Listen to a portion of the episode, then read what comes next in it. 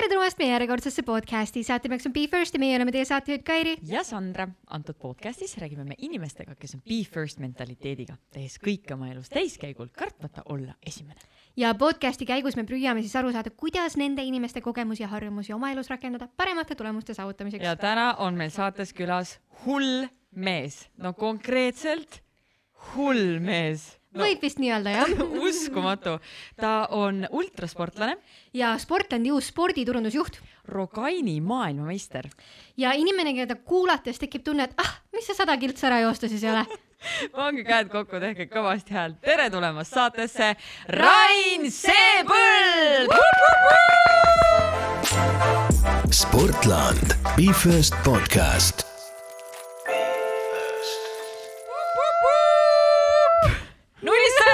Lili oli selle peale nagu, mis toimub, mis toimub, kuhu, mis asja. ta tuleb kogu aeg niimoodi, et põhimõtteliselt alustab sealt ja siis kohe pärast tervitus tuleb siia sinu juurde. tere äh,, see on üliäge, et äh, seda lõpuks nagu laivis näha, seda tervitust. ja olla see, kes tervituse vastu võtab. jah, aga sellega on ülinaljakas on see, et kui vahest äh, kuulad seda nii-öelda äh, nii-öelda mikrist, ütleme noh, suusatad, sõidad ja siis hakkab see uus podcast, siis sa oled nagu heli põhja keeranud, sest noh, kuskil on ikkagi tuul ja mingi asi ja siis tuleb see podcast'i algus äratab üles. no väga hea. aga jaa, ei see täpselt toimibki, nüüd sa saad aru, nüüd hakkab pihta. see tähendab seda, et sa oled meie podcast'i kuulanud, mis tähendab, et sa tead täpselt, mis sind ees ootab. jaa, üsna täpselt, ma arvan et, et üheksakümmend protsenti osasid ma olen ära kuulanud. Vau, nice mulle meeldivad sellised. siis on aeg, et sa siia tulid aga siis äh, me hakkame pihta iga podcast'iga, esimeste mäng. me ütleme lause, sa lõpetad. täpselt, valmis esimene maraton? Nii, esimene maraton, kusjuures äh, saab see aasta kümme aastat tagasi siis äh, nii-öelda jooksumaraton, nii et ma hakkasin kümme aastat tagasi jaanuaris üldse mõtlesin, et võiks jooksma hakata.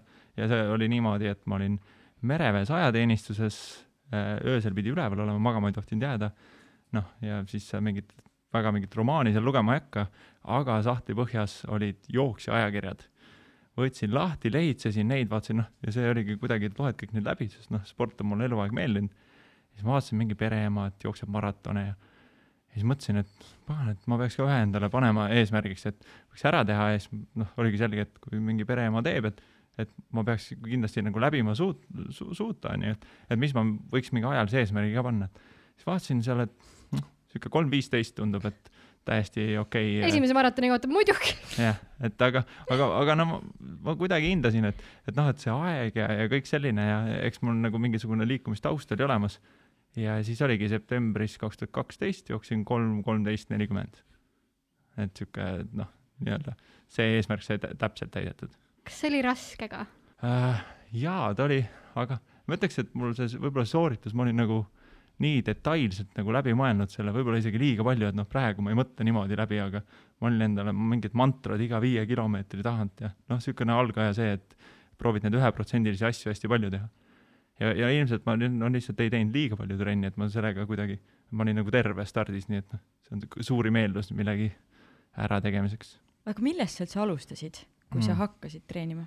ma arvan, et noh, vaata ajateenistuse noorteaeg pani üldse sellise hea hea sellise, et viskas su enda süsteemist välja, kõrvalisi tegevusi väga polnud.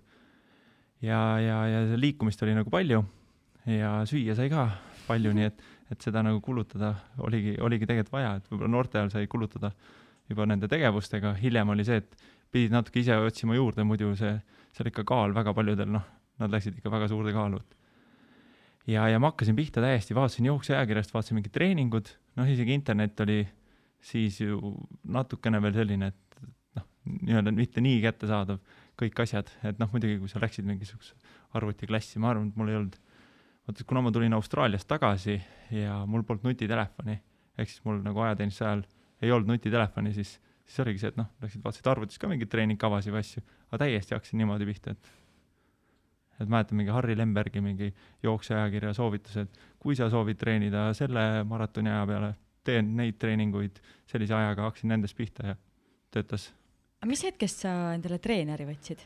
Äh, ma arvan, et see oligi mõnes mõttes pärast seda maratoni, seda mm, esimese maratoni lõpetamist, siis ma mõtlesin, et noh, et oma tarkusega tulin siia, et nüüd vaataks, et mida nagu inimesed võiksid mulle juurde anda, et et äh, siis, siis oli, et siis oli äh, mul väike kokkupuude siukse kergejõustikutreeneriga nagu Harri Seinberg. ja, ja ka noh, tema puhul oli see, et ta ikkagi ju keskendus hüppajatele, noh, kergejõustiklastele, et ja hiljem oli siis pikalt tegime Urmas Randmaga trenni koos, et aga noh, nüüd ma olen nagu aru saanud, et ütleme selle elustiili juures ja see, et ma tahan teha paljusid alasid ja asju, siis ma ei saa endale nagu treenerit kui sellist, sellist võtta, et äh, pigem on see, et noh, ma üritan ise mingil hetkel vaadata, et mingisuguse kolme või neljakuulise tsükli, et mida ma teen ja kas seal on nagu noh, mingi mõte ja läheb kõik paika. aga, aga jah, et ma hästi palju vahetan, et ma ei, ma ei, ma ei suuda sellist, sellist rutiini teha, et ma nagu aasta aega nüüd treeningi ainult nagu sihukest, kas ühte ala või siis mingisuguse ühe asja jaoks, et kuidagi olen sealt sellise leidnud enda, endale sobiva mudeli kui palju maratone sa tänaseks teinud oled? äh,. ma ei ole kunagi neid lugenud, sest äh, ultrajooksu sees, Kui issand sa, mis teed-, sorry, mis sportlane sa siis oled? kui sa teed ikka loetakse kui sa teed äh, seal mõne jooksu sees nii-öelda pikkuselt nagu neid viis tükki järjest onju, et siis, siis äh, noh, see, see ei ole minu jaoks kunagi nagu oluline olnud. Ja isegi noh, mingi, et ma ei ütle, et see ei ole oluline asi või et, et noh, ma ei ütle mitte kuidagi seda onju, aga ma, mina jõudsin enda sinna punkti, et ma sain aru, et mind ei motiveerigi see, kas see mu maratoni aeg nüüd on see siis äh, joosta ära kaks nelikümmend, kaks nelikümmend viis või kaks kolmkümmend, et ma ei, ma ei saaks nagu midagi sellest, et samamoodi kümne kilomeetriga, et et noh, muidugi, kui sa starti lähed, siis sa tahad, annad maksimaalse pingutuse, aga aga ma ei suuda nagu kuid treenida selle nimel, et et oh, see number võiks olla kolmkümmend kaks minutit, et et kuidagi see, see on muutunud nagu hoopis teisejärguliseks. oota, kas sa mainisid, et sa jooksed siin viis maratoni korraga ära, mis on üldse kõige pikem distants, mis sa oled ultrajooksu teinud? Äh, see on äh, see, kui ma eelmine kevad jooksin ümber Saaremaa ja see tuli kokku kolmsada kakskümmend kilomeetrit. ma, ma oletan, et sa ikka magasid seal vahepeal. jaa, kaks korda, ühe korra magasin vist kuskil neli tundi ja teist korda magasin tund aega. aga see tund aega oli isegi parem, et äh, sellest, sellest tuli natuke isegi sellist energiat rohkem üle, ühesõnaga, kui ma üles ärkasin, siis mul oli siuke tunne, et ma olen, ma olen nagu reaalselt noh, ikka kümme tundi maganud. miks sa tegid seda? oh my god. Äh, ma tegelikult äh, läksingi, võib-olla mulle meeldis see, et äh, see oli minu jaoks hirmutav, sest äh, esiteks äh, ma ei teadnud, mis saab, ma olin enne seda vist kõige pikem asi oli kakskümmend neli tundi ja ma nagu ei teadnud, mis edasi saab. ja, ja minu jaoks seal noh, tunduski, et noh, seal võib nii palju ise vigu teha sellega, et noh, kuskil ei söö piisavalt, kuskil sa ei kuula enda keha ja jooksed liiga kiiresti ja läheb, tuleb mingi running high sisse ja paned, et äh, no seda ka juhtus ja siis noh, siis tavaliselt peale seda running high'd tuleb running low, kus on täpselt niisugune, et äh, sa ei taha isegi kõndida. aga, aga, aga jah, kuidagi noh, aga kuidagi õppisid imp, noh, nii-öelda embrace ima, mis see eestikeelne hea sõ- sõna sellel on. väärtustama. jah, neid kõiki neid e- erinevaid tundeid ja tujusid, aga noh, lihtsaks tegi selle, et, et ma ise korraldasin selle, et seega see ei olnud mingi võistlus ja mul oli kogu aeg teadmine, et nii kui ma tahan, ma istun autosse ja sõin minema siit. aga noh, ja tänu sellele seda ei tulnud ka, et kuidas sa autoni oleks jõudnud? Äh, noh, see auto tuli minu juurde, et mul oli, mul oli äh, tugitiim oli kaasas ja noh, vaene tugitiim, sest mulle kogu aeg tundus, et äh, nemad on rohkem väsinumad kui mina. Ma pidin ergutama neid, et noh, suudate küll ja natukene veel jäänud aga palju nad peavad, nad peavad siis mingi iga aja tagant sulle andma süüa ja juua, ma oletan jah? jah, me tegime alguses kuskil kahe tunni tagant ja siis äh,, siis, siis natukene tegime mingil hetkel vist väikse pikema pausi ja lõpus, kas lõpus oli umbes jah, ikka kahe tunni tagant jäi see tempo. et aga see oli näha, et noh, see noh, tegelikult see autoga sõitmine ja kui sa oled noh, niimoodi poolunes, et see, see on suhteliselt keeruline, et aga nad said täitsa tublisti hakkama. konteksti jaoks, mis nagu tempoga sa jooksed, kui sa jooksed nii pikka maad? Äh, seal, seal tuleb noh, päris palju tuleb selgelt tuleb kõndimist ka sisse ja kõnnipause, et see tempo on kuidagi selline noh, ma arvan, et ta on mingi sihuke viis kolmekümne kuue vahel on siis, kui sa jooksed, Davai, aga eks ta lõpus, lõpuks, lõpus on niisugune kuue ja kuue kolmekümne vahel, et aga siis sa teed juba rohkem kõnnipause ka sisse, et noh, nagu mina tavaliselt jooksen. sama. aga, aga, aga jah, see selles suhtes ei ole nagu midagi äh, noh, et selleni jõuab kõik, kui, sa järjest nii-öelda suurendad. no ilmselgelt see oli korralik õnnestumine sul, et sa sellega hakkama said, aga räägime natukene sinu ebaõnnestumistest. esimene ebaõnnestumine. mulle tegelikult meenub võib-olla sihuke kõige jah, sihuke enda jaoks nagu naljakas lugu ka, mida alati nii-öelda peres ka räägitakse äh,.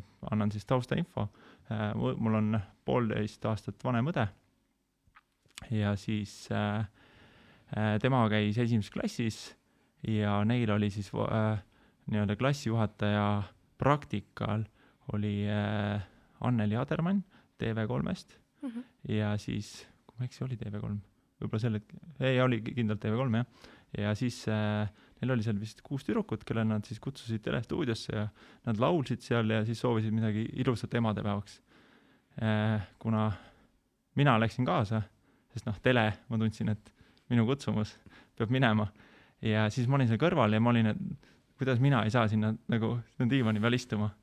noh, tundsin, et see on see hetk, kus tuleb kus tuleb äh, selgeks teha, et ma pean ka sinna saama, ma ei mäleta, kas ma siis jonnisin või lihtsalt ütlesin, et ma lähen ja siis igatahes mind pandi ka sinna diivani peale istuma. ma ei pidanud laulma, aga siis, siis oli see noh, järjest kõik siis ütlesid, mida emadepäeval soovivad emale. ja kõik olid hästi armsad soovid ja siis jõudis kätt kord äh, nagu minuni. ja siis mul oli nagu peas väga hea mõte, aga siis võib-olla see kuidagi see sõnastus ei tulnud parem välja, siis ühesõnaga ma siis ütlesin nii, et äh, mina laseks kõik jäätseputkad õhku. ja siis, siis selle peale olid kõigil kohtkuu näod ja siis mu see close in selle, et, et noh, et kõik emad saaksid nii palju jäätist, kui nad tahavad. Nice save. aga nagu see oli mu algne mõte onju ja siis mina ei osanud sealt midagi välja lugeda, et noh, et siuke veits terroristlik ja et õnneks siis ei olnud seda, see teema nii nagu aktuaalne ka, et aga see oli nagu laivis, et seda ei saanud välja lõigata või? äh, vist, vist oli laivis, aga välja ei lõigatud ka igatahes. noh, vaata, kui laps ütleb midagi sellist, siis ta ei lõigata ka. et äh, aga see oli jah, siukene, mulle endale tundus, et noh, et õnnestumine, et kõik on, olid väga elevil, aga noh, pärast võib-olla mainiti seda alati aga kas neid ebaõnnestumisi tuleb äh, sul muidu tihti ette? äh,. eks ikka tuleb siukseid, et äh, võib-olla, et ei lähe nii, nagu on plaanitud, aga noh, see on möödapääsmatu asi, et, et neid ei tasu minu arust isegi vältida, et, et alati on mõistlik teha nii palju, kui sa noh, et saaksid anda endast maksimumi, aga aga nendest äh, ebaõnnestumistest saab õppida, et et küll ma olen üsna kriitiline enda tegevuste suhtes, siis kui ma olen need ära teinud. Aga see on nagu sihuke lühike kriitika, et ma ei jää nagu pikalt põdema, ma lihtsalt vaatan vastu ja vaatan, et kas see on minu jaoks halb või hea, okei okay,, mis asjad halvasti olid, miks olid halvasti, proovime järgmine kord mitte neid teha ja noh, ja siis ma kustutan selle ära, et ma ei jää nagu pikalt, ei jää kunagi põdema. mille järgi sa üldse defineerid ebaõnnestumist? ahahah äh,, ma arvan, et noh, võib-olla eks see on mõnes mõttes on nagu mingid ootused ja, ja teine asi jah, see, see, see mingis valdkonniti noh, kui mingi valdkond, kus sa pole absoluutselt midagi teinud kunagi, noh, siis sa ei saagi selles, selles suhtes ebaõnnestuda, et sul ei ole ju mingit, mille pealt saaks sul tekkida ootus, et sa peaksid seda hästi oskama, et et äh, ma arvan, et ma arvan, et seal on jah, niisugused enda ootused või siis, või siis see, kuidas me kujutame et, ette, et kui hästi meil mingi asi õnnestub või, või, või kujutame ette võib-olla, mis teised arvavad, et kuidas see peaks meil õnnestuma, et noh, mingid sellised, sellised äh, ütleme, rollid, mis, mis tekivad. Minu arust see on päris hea strateegia, et, et kui sa ei taha ebaõnnestuda, siis lihtsalt katseta kogu aeg erinevaid uh, uusi asju, võta mingeid uusi asju ette, et uh, päris huvitav. Mm -hmm. aga liigume edasi meie esimeste mänguga mm, ja räägime hommikutest. mis on see asi, mida sa esimese asjana hommikuti teed? Äh, ma arvan, et esimese asjana ma vaatan kella. et äh, isegi kui see on nagu äratus, siis äh, ja, jah, ühesõnaga ma kuidagi kontrollin seda, et, et, et, et ja olenemata isegi sellest, kas mul on vaja kella peale kuhugi minna või mitte, siis, siis kuidagi see, et see kella vaatamine on äh, alati, et ma, ma lihtsalt tahan teada, kui palju aega on kulunud. ja ma üritan nagu alati ka vist arvata, mis kell on ja siis vaatan, kas ma panen täppi või mitte. ja see on näiteks noh, ma isegi kui ma käin ooperit vaatamas, siis ma vaatan kella, siis ma nagu ma peas mõtlen, et minu arust on läinud umbes nelikümmend minutit ja siis vaatad kella, vaatad kolmkümmend üheksa, jess, päris hea, päris hea, et kogu aeg see mäng mul eluaeg olnud, ma mäletan, ema väiksena arvas, et mulle lihtsalt ei meeldi ooper, et ma vaatan kella, vaat. ja siis ma mäletan, mul ei olnud käekella, siis mul oli mingi nuppudega mobiiltelefon, siis ma vaatasin seda vahepeal. aga noh, ta ei saanud aru, et mul käib kellamäng. aga sa enamasti paned täppi siis või? äh,. jah, üsna ja kusjuures sellega oli, ma mäletan, me tegime äh,, ma ei mäleta, kas me, ei me ikkagi vist tegime ka seda, aga see oli kaitseväe nagu õpetati seda, et äh, kui kella ei ole, siis inimestel on nii hea nii-öelda kellast arusaamine, ehk siis, et kui palju minuteid on umbes läinud. ehk siis, kui kamba peale kõik pakuvad nagu ilma teiste pakkumist äh, kuulmata ühe kellaaja ja siis võetakse keskmine, siis see on megatäpne Hmm. et siis ma olen nagu üritanud kogu aeg hoida seda, et ma peaks teadma, mis kell on. see on nii äge. mis kell on? ah, see on päris hea praegu. praegu ma pole üliammu vaadanud. nii äh,, alustasime kell kaks onju. Ma tean, ma jõudsin varem siia mm,. kaks, kaksteist. mul on tunne, et tal on väga tore meiega. okei, ja, ja siin on aeg lennanud, siin on aeg lennanud. ja siin noh, ongi, see ongi ehk kohe siis, äh, kuulajatele kaks kakskümmend kolm ehk siis kümne vintsaga läksin praegu. praegu läks jah, sa pead ikka veel veits harjutama veel. aga sa oled meie esimene külaline, kes tuleb äh, äh, külakostiga, mis ei ole ei mulle ega Sandrale, vaid hoopis Lilile. nii et ma arvan, et on õige hetk järgmiseks küsimuseks, mis on siis esimene lemmikloom. jaa. Äh,, esimene lemmikloom oli dalmaatia koer Donna.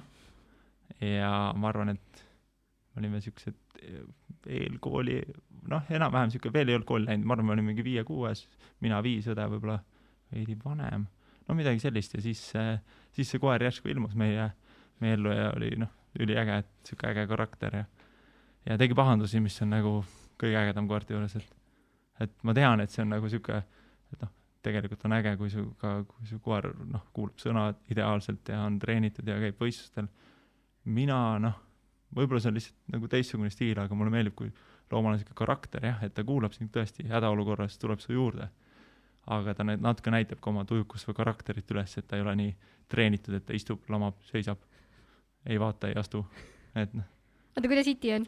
Äh, nüüd jah, praegune, kes mul nii-öelda sihuke, võib-olla ikkagi alati enda, see, kui sa ise võtad koera, siis see on see nagu, see on see minu lemmikloom, et et äh, Itil on ja ikka väga sihuke karakter, et on päevasi, kus ta on sul äh, süles ja teeb kõik täpselt nii, nagu sa teda juhendad ja siis on päevasi, kus ta näitab oma iseloomu, et ta teeb, mis ta tahab. Kas sa oled alati olnud siuke inimene, kes armastab loomi, et kui sa näed nagu äh, omanikku ja koera, siis sa tervitad enne koera või kumb sul on? Äh, ma olen, olen niimoodi, et ma suhtlen koeraga ammu ennem, aga siis, kui ma jõuan inimesele nagu nii piisavalt lähedale, siis ma ütlen inimesele ka tere, sest siis ma tean ise seda teistpidi, et äh, see on natukene kummaline tunne, kui keegi ainult su koeraga suhtleb ja vaatab paar minutit, ninnutab, mängib ja siis sa oled seal kõrval, et ahah, aga mina, noh, natukene on siukene, et I m so guilty of that nagu. aga jah, siis ma olen nüüd, nüüd kuidagi selle endale pannud harjumuseks, et noh, et ma annan nagu talle ka, ütlen tere või noh, annan mõista, et, et äh, ma hea, koeravalik. ma tulen su koera katsuma. ja kohati lihtsalt tundub, et äh, koertega ja loomadega on lihtsam suhelda kui, kui inimestega, et siis sõltub, vaata kõigil ei ole, onju, sest ikkagi on väga palju inimesi, kes pelgavad koeri ikkagi, et ega ma ka iga kord enne, kui meil külaline tuleb, küsin üle, et, et kas, kas on okei okay,, kui ta tuleb ja haugub. mult ei küsinud keegi. anti juust kätte ja ei, sa tulid ise vaata, sa olid nii ette valmistanud mm. -hmm. aga räägime, meil on kaks küsimust veel jäänud mm Mhm. -hmm. esimest mängu. mis oli esimene kord, kui sa tundsid enda üle mega suurt uhkust? mm. -hmm. Ma arvan, mu kõige esimene siuke noh, täiesti lapsepõlvest ähm, oli, ma arvan, ma arvan, et see oli üks mu esimesi, kui ma sain viie. Ja ma ei mäleta, kuidagi see jäi mulle väga hästi meelde, sest ma jäin sel päeval esimest korda ka hiljaks, mulle üldse ei meeldi hiljaks jääda. Ja pigem ma olen natukene siukene tulen nagu liiga vara või siis istun parklas autos või noh, no kuidagi siukene, et ma, ma ei saa hiljaks jääda, sest kuna ma, see vist tuli sellest, et äh, mu isa jääb väga palju hiljaks, siis noh, vastureaktsioon, ma ei jää kunagi hiljaks. ja, ja see oli esimene kord, kui ma kooli jäin hiljaks ja see, ma arvan, jäigi alguses mulle sellepärast meelde. aga siis äh, ma sain viie eesti keeles R-tähe kirjutamise eest. nii et äh, aga jah, R-täht on selge. no oluline ka arvestada, et see on su nime esimene täht. ma ütleks, et mul on ka K kõige ilusam, kas sul on S kõige ilusam? Äh, jaa, no näe, absoluutselt, siin on muster, ma see on ütlen. väga vajalik informatsioon kõigile, ma olen täiesti kindel selles. aga jah, siis äh, võib-olla sellisest äh, hiljem sellisest kui nagu sportlikus plaanis, ma arvan, see esimene kord, kui ma alla kolme tunni jooksin, siis võib-olla see ka oli niisugune, kus kus sa tunned, et äh, et nagu selles suhtes täiesti rahulolu, et ma jooksin ka nii täpselt, et mul oli vist viis sekundit alla selle kolme tunni ja see lõpp oli sihuke kuskil majade vahel, et äh, Frankfurdi maratonil, et ja mingi tuule käes, et et noh, kord oli sihuke tunne, et no nüüd ta läheb ja siis pole enam aeg, aimu ka, mis see aeg on ja ja kuidas need kilomeetrid, palju neid täpselt jäänud on ja ja siis äh, tuled üle joone ära ja siis sa ei saa täpselt aru ka, sest seal on see bruto-netoaeg ja siis äh, äh, siis tahad nagu seda kinnitust saada, et ma kindlalt sain ikka alla kolme ja siis vaatad üle, sealt tuli mingisugune elektrooniline asi, kus sai kohe vaadata ja siis vaatad, kümme sekundit vist oli jah, ta alla, alla kolme tunni. et siis, siis oli küll sihuke, et et see oli nagu nii plaani võetud, nagu välja hõisatud ja, ja siis sihuke noh, olid tekitanud endale veel mingid lisapinged, nagu see oleks tõesti mingi olümpianorm aga, aga sel hetkel ma, ma ise tundsin, et see minu jaoks oligi nii-öelda olümpianorm, et, et siis, siis oli küll sihuke, et lõpuks tehtud. Olympics of life. jah. mis su järgmine äh, asi on, mille üle sa tahad väga, väga suurt uhkust tunda hmm.? Mulle viimasel jah, meeldivad siuksed väljakutsed, kus ma natukene pelgan seda, et kas ma suudan nagu selle ära teha, mitte isegi see, see tulemuse pool alati, et noh, niikuinii on, kellel on nagu sportlik sihuke äh, vaim või niisugune, siis ta pingutab alati maksimaalselt, et see on nagu, see on garanteeritud, aga, aga just see, et ja nüüd ma lähen märtsi lõpus on äh, Red Bulli Nordenskjöld Lopet ehk siis kakssada kakskümmend kilomeetrit Põhja-Rootsis, sada kümme ühtepidi, siis on ümberpöörd ja tagasi. et äh, see on niisugune, suuskadel? jah uh -huh., ja klassika. kas on mõni spordiala, mida sa ei oska äh,? jaa äh,, aga noh, see on jälle see, et Äh, võrreldes äh, kellega, aga, aga on, no need, need alad, noh, ma, ma ei ütle, et ma ei oska neid, ma lihtsalt ei tea, kui hästi ma neid oskan. et mida, mida ma veel ei ole proovinud, et.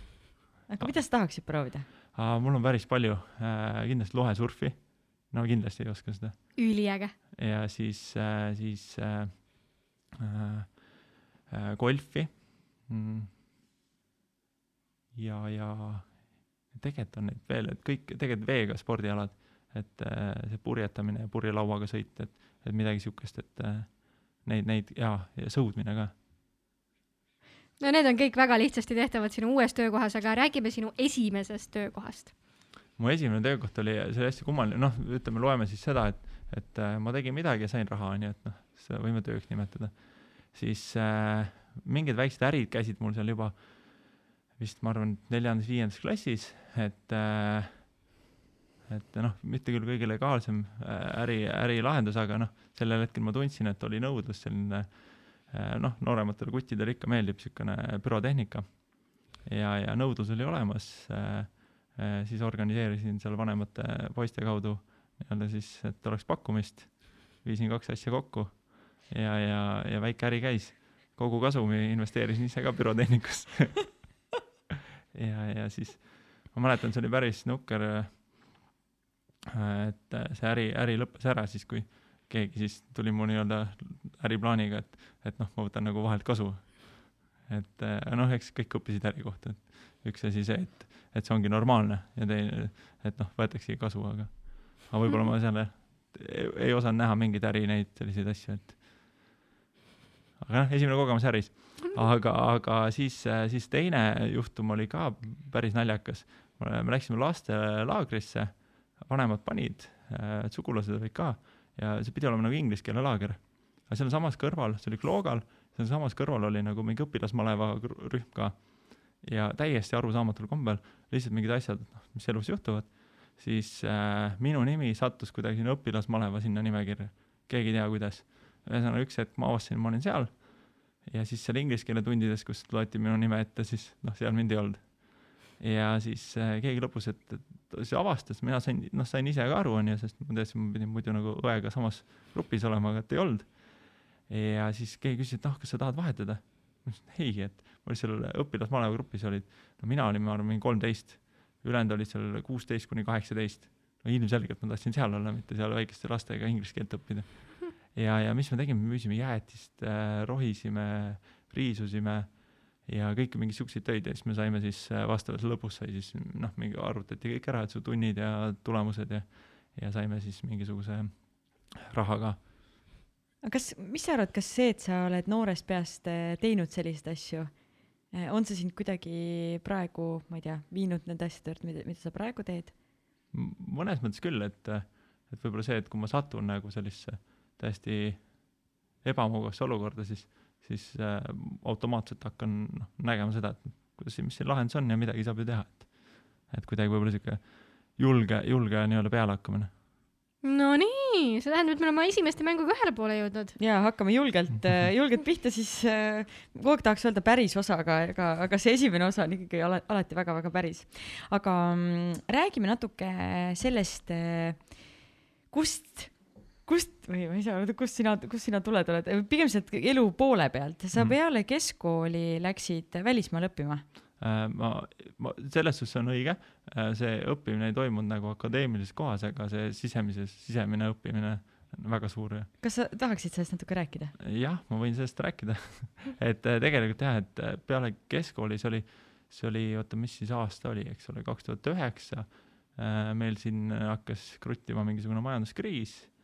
aga, aga eelkõige oli see, et ma olin kuidagi gümnaasiumi ära lõpetanud niimoodi, et, et mul polnud üldse aimu, et äh, see asi ma olen ja, ja kuhu ma minna tahan.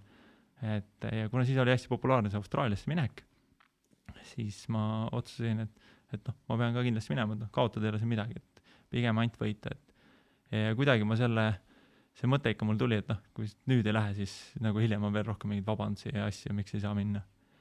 ja, ja see, ja see, ütleme jah, see kaks aastat, see tundub nagu, nagu kümme, see, mis ma seal veetsin, et, et ja, ja ma tegin nii palju erinevaid asju, ma arvan, et Austraalias see muu-, see muutuski hästi lihtsaks, et sa ei pea olema seesama inimene, kes sa siin oled, et see kuidagi, et see, kas su noh, perekond või sõbrad või kuidagi määravad natuke ära, milline sa oled või kuhu suunas sa liigud või mis mõtteid sa mõtled, siis seal oli noh, täiesti niisugune selles mõttes nagu avanemine, et said nagu ise otsustada ja said nagu väga palju mingeid uusi asju enda kohta teada. ja seal ma tegin selles mõttes erinevaid asju, et tegin müügitööd, väga niisugust äh, nii-öelda äh, straightforward otse, otsest müüki. Ja siis äh, mingil hetkel äh, ma tegin sellest täiesti kannapöörde päevapealt, helistasin mu ülemusele, ütlesin aitäh võrratu kogemuse eest. Äh,. ja nüüd ma vaatan nagu hoopis teist külge sellest Austraaliast, et ja, ja siis ma olin seal vihmametsades siuksel asjal nagu rainbow gathering. Ehk siis sellised toredad erinevad äh, eluvaldkondade inimesed, hipid olid kõik koos äh,, õpetasid oma, kes oskas, mängis muusikat, õpetas teistele kitarrimängu ja kes mängis malet, õpetas seda teistele, kes maalis, kes laulis. et äh, väga-väga andekad inimesed ja meeletult ilusas looduses.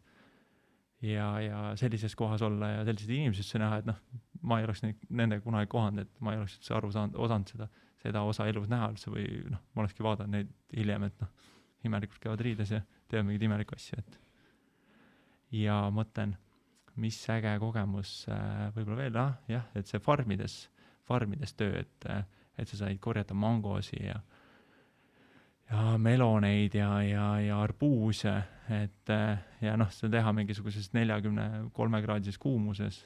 et, et noh, see oli täpselt sihuke, et sul ei ole seda võimalust siin. et see on niisugune, noh, töö on selles suhtes hea õpetaja. no mida sa seal kõige rohkem õppisid? Enda kohta just? Ma arvan, et seda, et äh, ma võib-olla ennem natuke rohkem tundus, et nagu elu juhtub meiega ja, ja seal ma nagu sain aru, et, et noh, tegelikult kui sa tahad ise kontrolli võtta, sa saad asjad nagu, lõpetan siinkohal ära ja hakkan tegema teist asja. et kuidagi see, see oskus ja see julgus, et sa saidki proovida. et äh, ja keegi nagu selles suhtes ei hinnanud sind kõrvalt, et et ma olen töötanud farmis, noh, keegi ei tulnud sulle ütlema, oh, sa läksid farmi tööle et äh, noh, sa ei pea suhtlema ju selle, seda kuskile üles postitama ja lihtsalt saad teha nagu rahulikult teha ja, ja avastadagi võib-olla, mis hobid või mis asjad sulle meeldivad üldse. aga kas sa tunned, et Eestis on seda? just sellist äh, hinnangute andmist ja ohohoh, sa töötad XXXL selles kohas? ma arvan küll jaa, et seda nagu edukust mingis mõttes äh, mõõdetakse kuidagi sellises, et äh, kuidas keegi hakkama saab, mõõdetakse natuke sellises, et noh, kui, kui palju kellelgi raha on.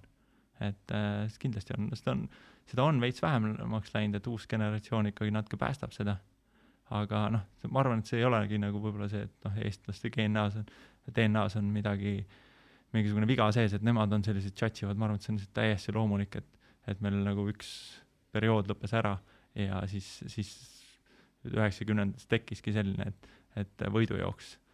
ja, ja siis, siis natuke tundubki, et, et see ongi nagu mingi asi, mille pealt me saamegi hinnata, et, et kui sa vaatad noh, kõikidel teistel võib-olla riikidel siin, mis on nagu Skandinaavia pool, kus nemad on selle etapi lihtsalt läbinud ja juba on läinud nagu, läinud järgmisse, järgmisse etappi, kus seda nii väga ei hinnata, et kui uhke auto sul on ja, ja mingid sellised. aga Austraalia näitel siis noh, näiteski äh, samas, kus ma elasin Bondi Beachil äh,, mul oli mingi korter ja seal nagu hommikukohvi jõin mina, kõrval oli keegi, kes oma Ferrari parkis ära küll kuskil, aga istus samamoodi selle nii-öelda plastikust äh, taarakasti otsas, jõi oma kohvi ja siis äh, oma shortsides. Ja siis mindi kõik koos kas surfama või kuskile mingit asja tegema ja räägiti nagu noh, juttu omavahel, et et ja, ja, ja kuidagi üheski vestluses ei olnud nagu esimene küsimus see, et kus sa töötad, et noh, umbes, et panna paika, et noh, kas mul umbes on sinuga midagi rääkida või ei ole, et et seal oli väga lahedaid inimesi, kes, kes töötasidki täpselt kuskil, oligi see mingi s- spordipoes või kuskil sellises kohas ja neil ei nagu töö mõttes ei olnudki mingit võib-olla äh, sellist ambitsiooni, et ma pean nüüd noh, saama nüüd järgmisesse tasemesse ja siis edasi. Lihtsalt tegid seda suure rõõmu ja tundega, aga nad nautisid seda, et neil on nagu võimalikult jälle palju aega äh, selle, et nad saavad surfama minna siis, kui need, no siis kui ilm tuleb. kas sul on sees see ambitsioon, et tahaks kõrgemale, kaugemale rohkem karjäärialaselt? Äh, on, aga see väga oluline, pigem see ei ole nagu iga hinna eest, see on äh, ainult nagu nende võib-olla selliste ideaalide suunas, et äh, mida ma, mida ma tahan võib-olla nagu ühiskonnas näha, et siis nende nimel on nagu äh,, ma olen, võin minna läbi päris äh, tugeva seina, aga, aga mitte nagu just selle karjääri, kui, kui ise pole nagu minu jaoks mitte midagi väärt. kui sellega ei, noh, mingid suuremad väärtused kaasa ei tule mis need väärtused on, mille eest sa oled nõus iga kell võitlema?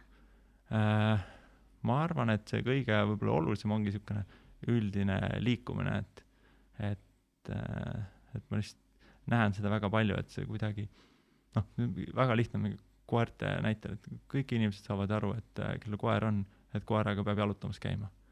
ja, ja noh, samamoodi liikuma peab oma lastega ja, ja ise peab liikuma, aga nagu noh, kuidagi ongi see, et koera puhul saavad kõik sellest aru, aga siis nagu ise unustavad ära selle, et, et, et, jah, see selline aktiivsus on, ma arvan, see kõige suurem selline, et, see on, see on nii kasulik, et noh, me jõuame rohkem, me oleme tervemad, et no minu arust üks test, kus, mida iga inimene saab teha ja, ja näha, et noh, et probleem on tõsine, on siis, kui äh, sa lähed äh, selili pikali, ilma käte abita pead püsti tõusma maast.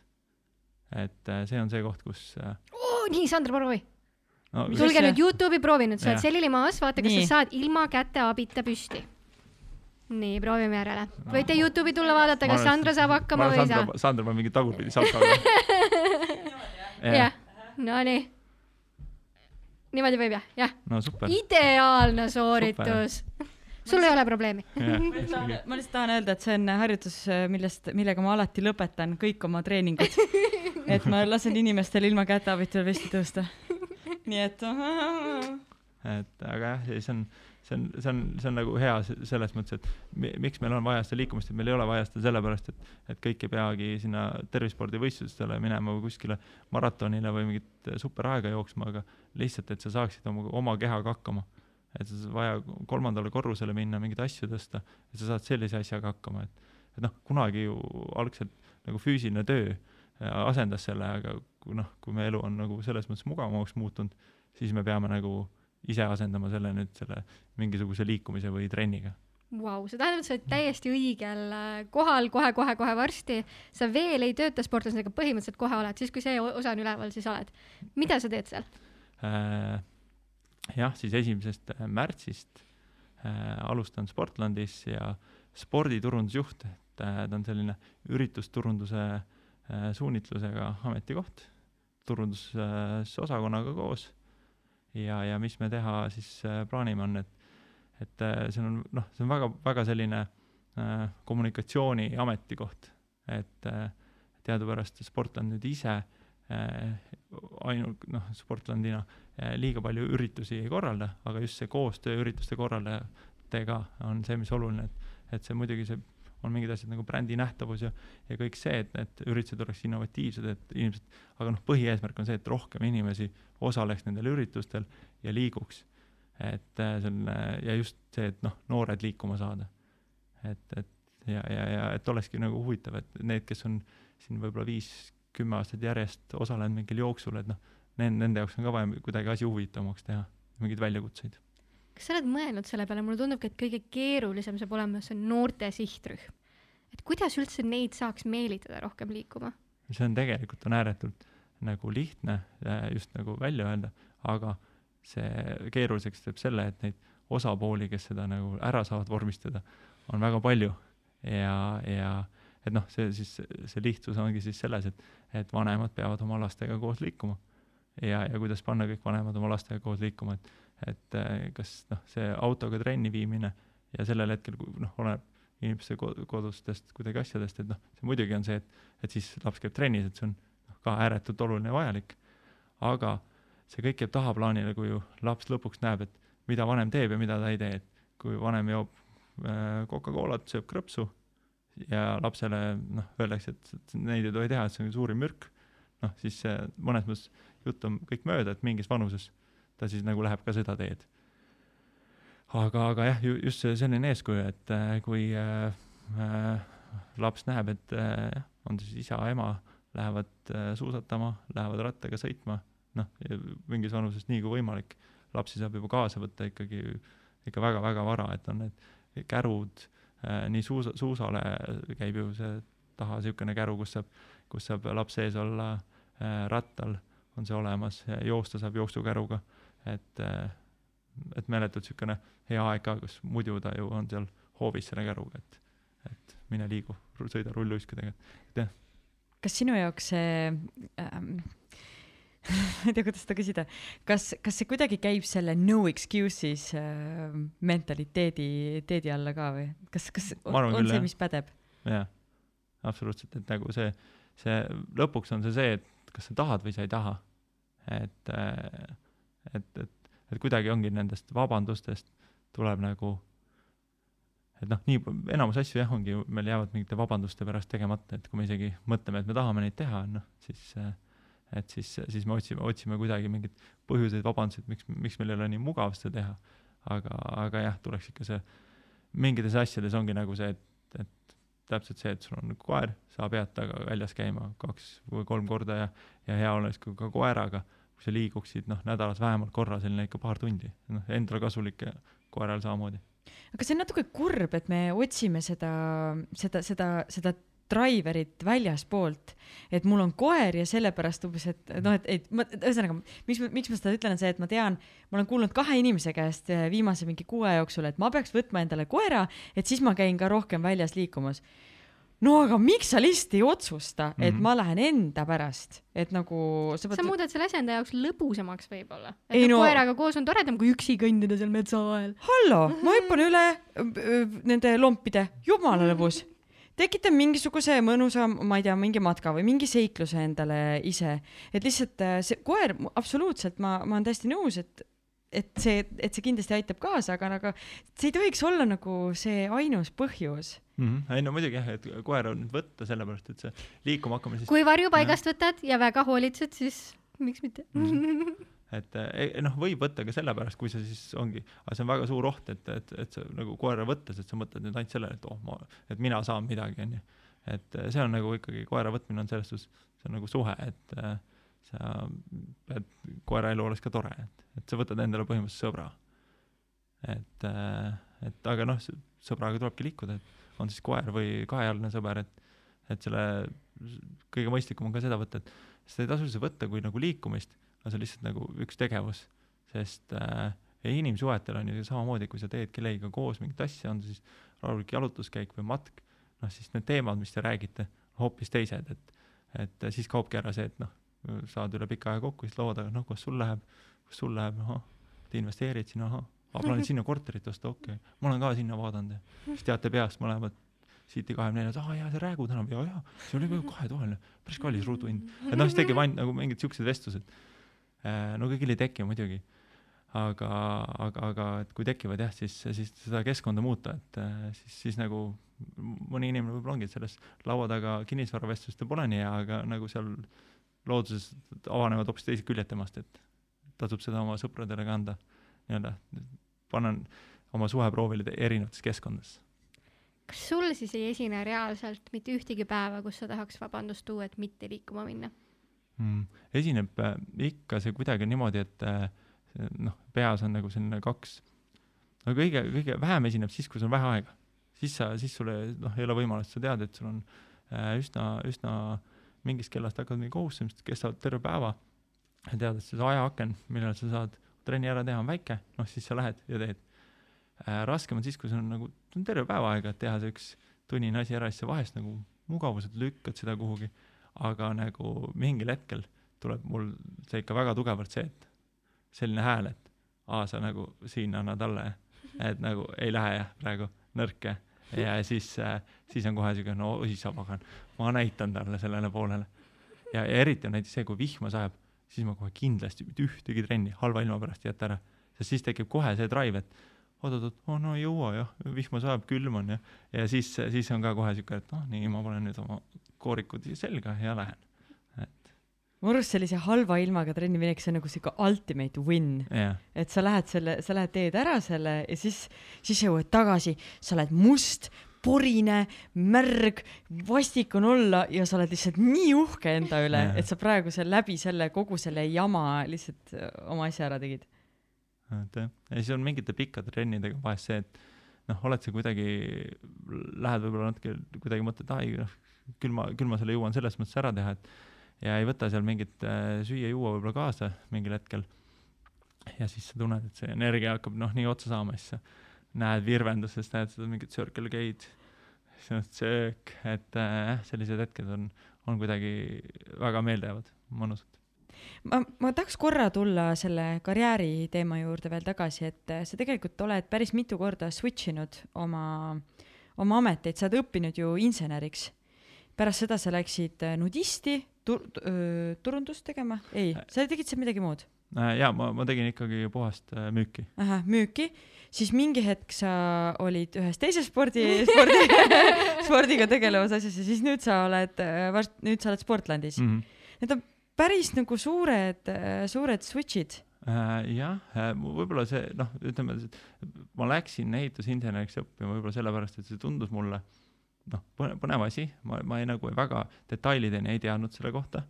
ja, aga see tundus mulle ka selline asi, mis on nagu noh, tõsiseltvõetav asi, et ja ma nagu ei mõelnudki selle õppima mineku juures, et ma nüüd peaks elu lõpuni seda tegema, aga ma tahtsin, et mul oleks mingi, mingi rakurss, et ma teatud asjadest noh, saa-, saaks kuidagi noh, mingisugune vaade selline, selline insenerlik vaade. ja, ja siis, ja teine asi, mul oli väike kõhklus, et noh, kas ma lähen nüüd õppima, onju, et kas, kas on kohe niimoodi, et noh, kaks kuud õpid, vaatad, aa, ei ole minu teema. Ja, ja siis, siis see oli ka selline, et ja, ja seda õppida oli meeletult põnev, et äge, kogu aeg mingid väljakutsed, sest mäletan, noh, gümnaasiumis matemaatikaõpetaja ütles, et matemaatika on siin ja sina, Rain, oled seal. Ja, ja siis äh, äh, noh, kuidagi sellised, aga, aga siis ma sain nagu aru sellest, et, et ega ma polnud ju kunagi nagu õppinud ka seda matemaatikat, jah, ma tunnis olin, ma sain ju aru ja tegin ära, kodus ma noh, ei pingutanud selle nimel, et, et, et midagi läks hästi. siis ma mõtlesin, et ma ei ole ju tegelikult nagu, tegelikult selles suunas nagu kordagi nagu võtnud ette, et noh, et see on mul eesmärk. et noh, loogiline, et see pole välja tulnud. siis mõtlesin, et noh, nüüd kui ma võtan ja noh, see oligi selge tõsiasi, et nii kui sa selle fookusse võtad, noh, see on imelihtne tegelikult. et äh, lihtsalt võib-olla ongi niisugune, et sa pead olema valmis selleks, et, äh, et ei tulegi nagu kohe need tulemused, aga noh, võtad need õpetajad kõrvale, mingit, äh, võtad oma lisatunde ja asju, võtad nii-öelda kursuse targemad pead enda juurde ja, ühel hetkel saad aru, et sa annad teistele nõu juba, et, et aga siis jah, siis ma noh, siis tundus täiesti okei okay samm, et minna ehitusettevõttesse tööle ja selles ei olnud nagu midagi halba, et ma töötasin äh, Mercos ehituses, ehitasin Noblessneri kvartal, mis on nagu väga, väga äge kogemus oli. aga ma arvan, et see põhiline asi oli see, et mulle meeldib äh, inimestega töötada ja, ja ehituses, noh, sa töötadki inimestega, aga ehitus on väga palju seda et, et äh, kaheksakümmend protsenti aega, aja sa pühendad probleemidele, ehk siis kas keegi on üldse tööl, et kas ta on õigest korterist, teeb õiget asja, et noh, sellised mitte seda tööd väga nagu armastavat inimestega, et noh, oma ala profidega, kes, kes on alati kohal, teeb super tööd, temal noh, see lihtsalt jäigi üle kiita teda ja, ja that's it, et noh, enamus aja sa panid sinna, sinna, kus, kus olid probleemid ja pidid selliste inimestega vaidlema. ja mingil hetkel sa hakkasid neid koju tooma või noh, niisugune kaasa võtma endaga, et kogu aeg on probleemid, kogu aeg on probleemid, et, et kuidagi see natuke väsitas ja võib-olla, võib-olla see, et enamus insenerid on väga sellised introvertsed et äh, kuidagi ma tundsin, et, et ma nagu, ma, ma nagu lihtsalt olen siin, et kuidagi veits seal tundus niisugust asja, tahaks nagu cheerlead ida vahepeal nagu Sandra. et, äh, et, et noh, midagi sellist juurde. ja siis, äh, siis ma otsustasin, et ma ei saa ju jääda siia seda mõtet mõtlema lihtsalt mingiks igavesti, et noh, oleks võinud või oleks võinud proovida, et, et äh, ma kunagi ei ei taha jõuda sinna punkti, kus ma pean mingite asjade peale niimoodi mõtlema, et noh, oleks võinud, ma omal ajal oleks ka saanud, kui oleks keegi pakkunud, ja siis ma, ja mul tekkis väga tugevalt see, et nagu teine pool minust tegi seda sporti, oli sellelt nagu tugevalt sees ja ma tundsin, et pagan, et selles valdkonnas noh, nagu, aga noh, kuidagi sellel hetkel, kui ma seda vahetasin, nagu polnud sellist äh, pakkumist või, või ideed otseselt, et äh, kuidas see peaks välja nägema, ühesõnaga mul oli teada, teadsin seda, et nagu kuhu poole ma tahan liikuda, aga ma täpselt ei teadnud, mis need esimesed sammud olid ja siis ma otsustasingi esimese sammuna on lihtsalt vaja, hakkame lihtsalt kuhugi poole minema ja vaatame, mis nagu teele jääb. ja see nu-, nudisti kogemus oli super, et, et väga äge, äge seltskond ja, ja muidugi meeletult raske koroona aasta, ehk siis Horeca sektorid, restoranid, hotellid, et seal oli, võisid kauba kohale viia, sa pidid vaatama, et sa arve ka kohe saadad, sest võib-olla kui nädal aega hiljem saatsid, koht oli kinni juba. et mm. Äh, ja kas piirangud tulid, piirangud läksid, kogu aeg see mäng käis, et äh, mida me müüme, kellele ja kuhu, et see muutus nagu iga nädal. et äh, selles suhtes oli noh, meeletult õpetlik, et ehituses on kõik palju kindlam, et meil on plaan, meil on täpne, on teada, mis kahe nädala pärast mingil päeval hakkab, mis etapp, et kes siis kohale peab tulema, tema töö hakkab. ja, ja, ja siis äh, siis jah, siis ma tegin äh, koolitusjuhi tööd äh, siis äh, Rademaris ja ka super paneme kogemus. piibi sinna peale, jah Aga... tervitused konkurentsid, on väga tublid tegelikult ei no selles suhtes, et, äh, et muidugi, et, et kõik ju äh, neid, nagu ikka olümpial on neid teisi-kolmandaid kohti ka vaja, et äh, aga jaa, aga super kogemus ja, ja, ja, ja selles suhtes, et äh, siis, kui see kui see võimalus äh, avanes, tekkis äh, Sportlandi töö, et noh, siis ma sain aru, et nii, nüüd ma hakkan sinna jõudma, kuhu, kuhu, kus ma ennem mõtlesin, et, et võiks välja jõuda, onju. aga vahest ongi see, et sa ei saa kohe sinna, kohe sinna trepiastmele. aga kui sa seisad seal nagu nullmademel, ega no siis sa ei lähe ka kuhugi. no aga mida sa soovitaksid inimesele, kes on, kes praegu näiteks kuulab, mõtleb, et okei okay,, ma tõesti teen sellist asja no, no ei pela noh, no lihtsalt ei sobi, lihtsalt ei meeldi, aga nad ei julge võtta seda mingit järgmist sammu ette, et äh, mis sind aitas? välja arvatud see, et see, see nagu lihtsalt see hull mentaliteet, et let's, let's go for it.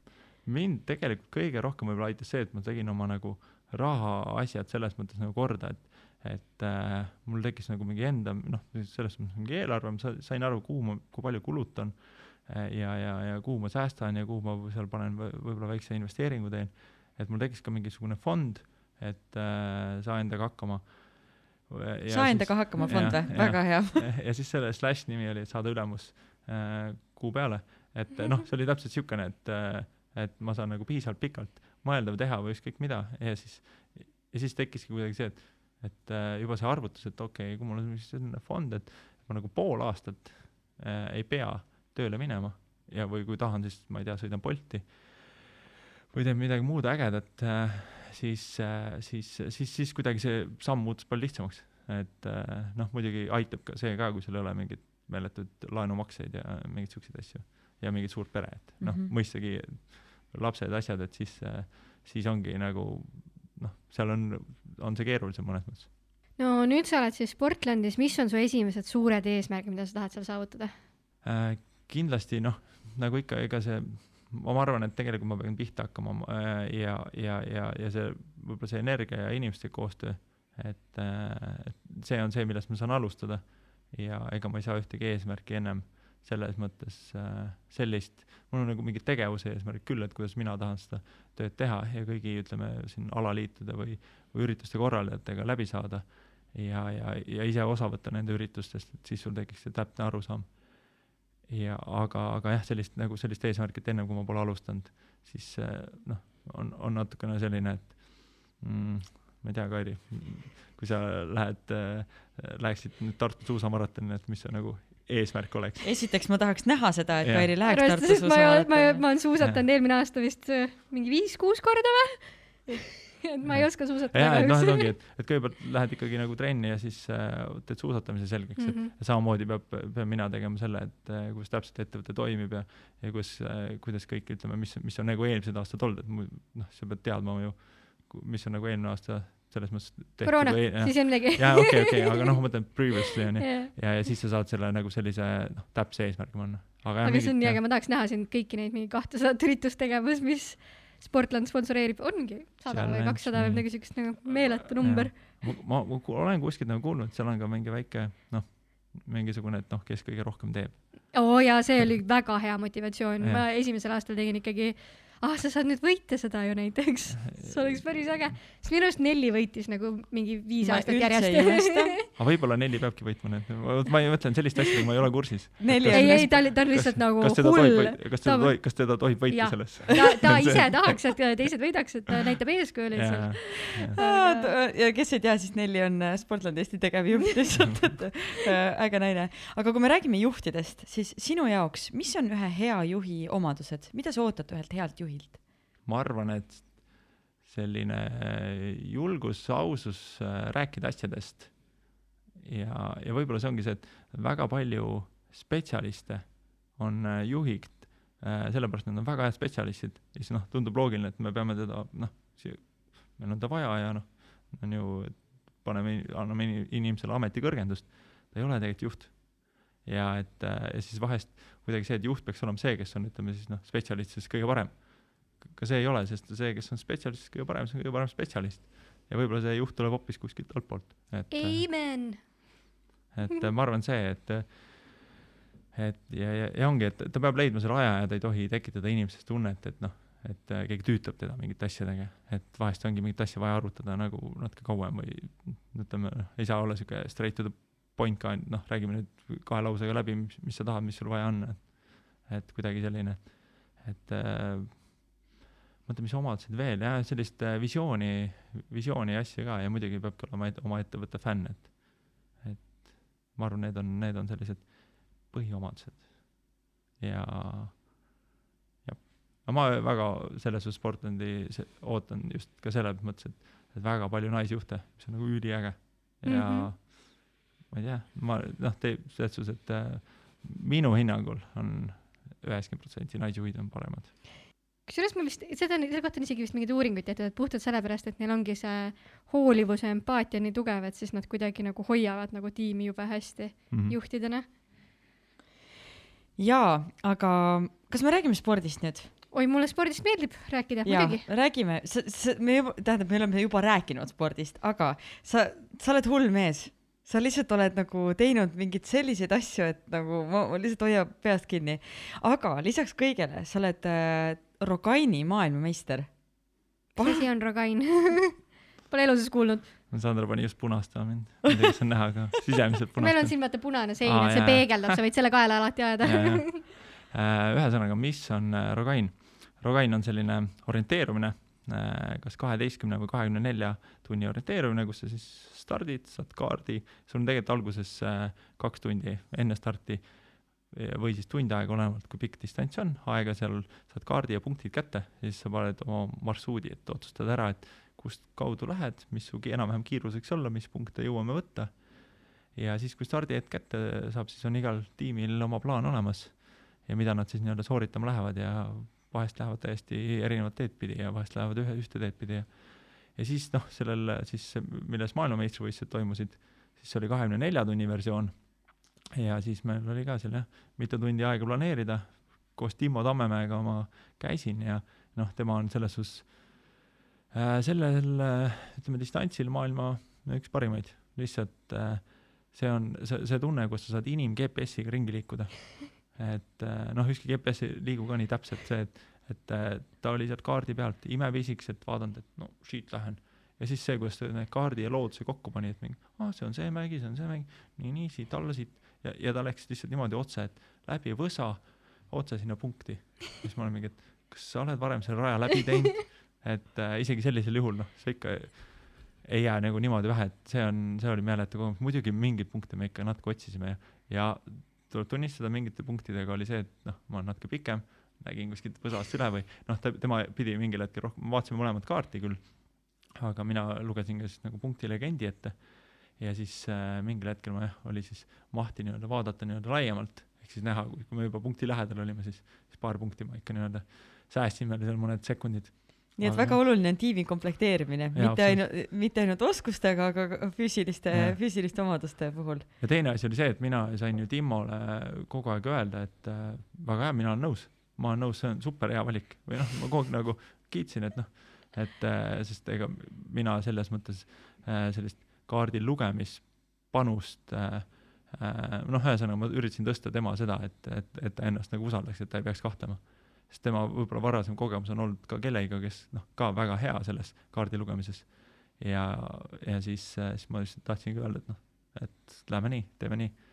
et aga jah, mis siis äh, noh, põhimõtteliselt kui keegi teab, mis on orienteerumine, siis äh, Rogain on sama asi, lihtsalt äh, jah, kas siis äh, looduses ja, ja, ja siis me, see MM-i versioon oli kakskümmend neli tundi, et ja see oli täiesti mägedes, ehk siis me käisime seal ikka üle kahe tuhande meetri kõrgusel ja siis äh, läbi orgude, läbi võsade, et ja, ja see sinna MM-ile minek oli üldse niimoodi, et ma olin vist enne seda kahel Rogainil elus osalenud ja siis äh, Timmo kirjutas mulle, et kuule, et äh, et tema tiimikaaslane Sander Linnus, et äh, on äh, põlvevigastusega hädas, et äh, kas ma ei tahaks MM-ile tulla. teisipäeval kirjutas, laupäeval oli start.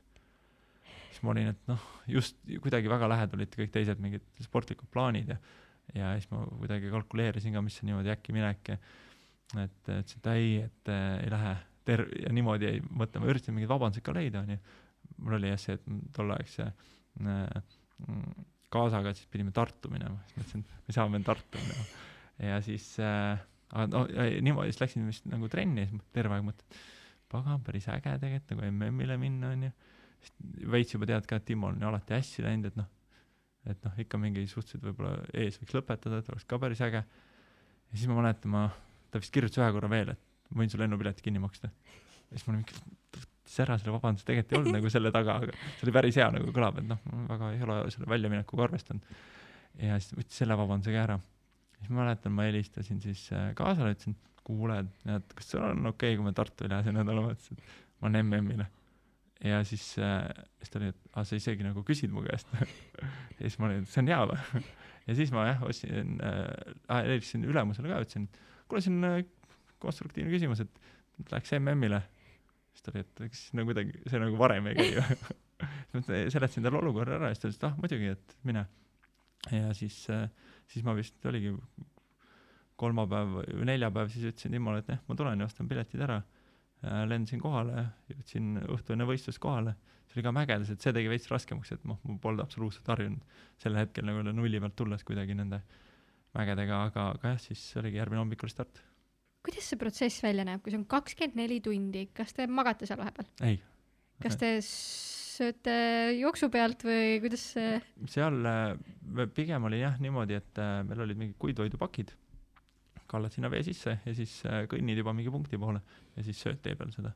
ja Ko- siis kõik keelid ja magusad ja joogid ja mis see distants oli, mille te läbisite selle jooksul? Äh, see kusjuures see distants ei olnudki väga palju, kuna me äh,, ma arvan, et see kuskil oli mingi saja kümne kilomeetri juures.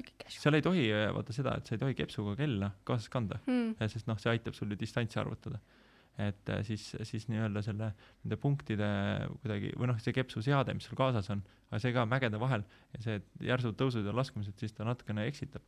aga, aga jah, kuskil sihuke sada, kümme, aga noh, see ronimist oli nagu meeletult kas mingi hetk läks raskeks ka? jaa, mina mäletan, et ma olin äh, üks kolm tundi, magasin põhimõtteliselt, ma liikusin, ma mäletan, et Mäkke kõndides mul nagu silmad käisid lihtsalt ja siis ma ütlesin ka emale, et et ma lihtsalt nagu võitlen unega, et mul on kõik jumala okei okay,, lihtsalt nagu meeletult uni pressib peale. võtsin, Timol olid mingid kofeiinitabletid, mul olid endal mingeid keeliasju, et ja magneesiumi, no kõiki asju sai proovitud, et mis retseptiga Red Bull ja, ja, ja kofeiinitabletid.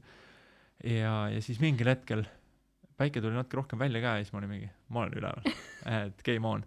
ja siis, siis me ühe punktiga seal hullult sabistasime, ei leidnud üles seda, läks üks, ma arvan, et kümme minutit. ja siis ja see oli täpselt siis, kui Timo ütles, et noh, kui me nüüd niimoodi lõpuni jõuame, siis äh, võime medalle tulla. ja täpselt siis läks nagu panime ühe korraliku kala. aga siis ma tundsin, et nii, ma olen nüüd üles ärganud, et nüüd hakkan panema. ja siis me jooksime ikka koos seal äh, nelja nulliga mingid kilomeetrid, no veits mäest alla ka mööda asfaldi. ja, ja siis see, see oli täpselt näha, et no, niimoodi, et kui sa, kui sa ikkagi vastutad selle kaardi lugemise eest, noh siis see võtab nagu nii palju sellist äh, energiat lisaks, et Timo lõpetas, siis ta oli täpselt niimoodi, et ta enam-vähem finišijoonel äh,. ma sain aru, et äh, keegi tuli noh küsimusi küsima, siis Timo pilk oli kuskil mujal. ja siis ta oli ainukese asjana, mis ta ütles, et oleks pidanud sulle ühe punkti veel võtma. ja siis ma juba hoidsin teda püsti, et, kuidagi läks nii. nagu mis see, mis see sisekõne on selliste, ütleme sellistel võistlustel ja tegelikult ka kõigil nendel ultratel, mida sa teed või üldse võistlustel, mida sa räägid endale?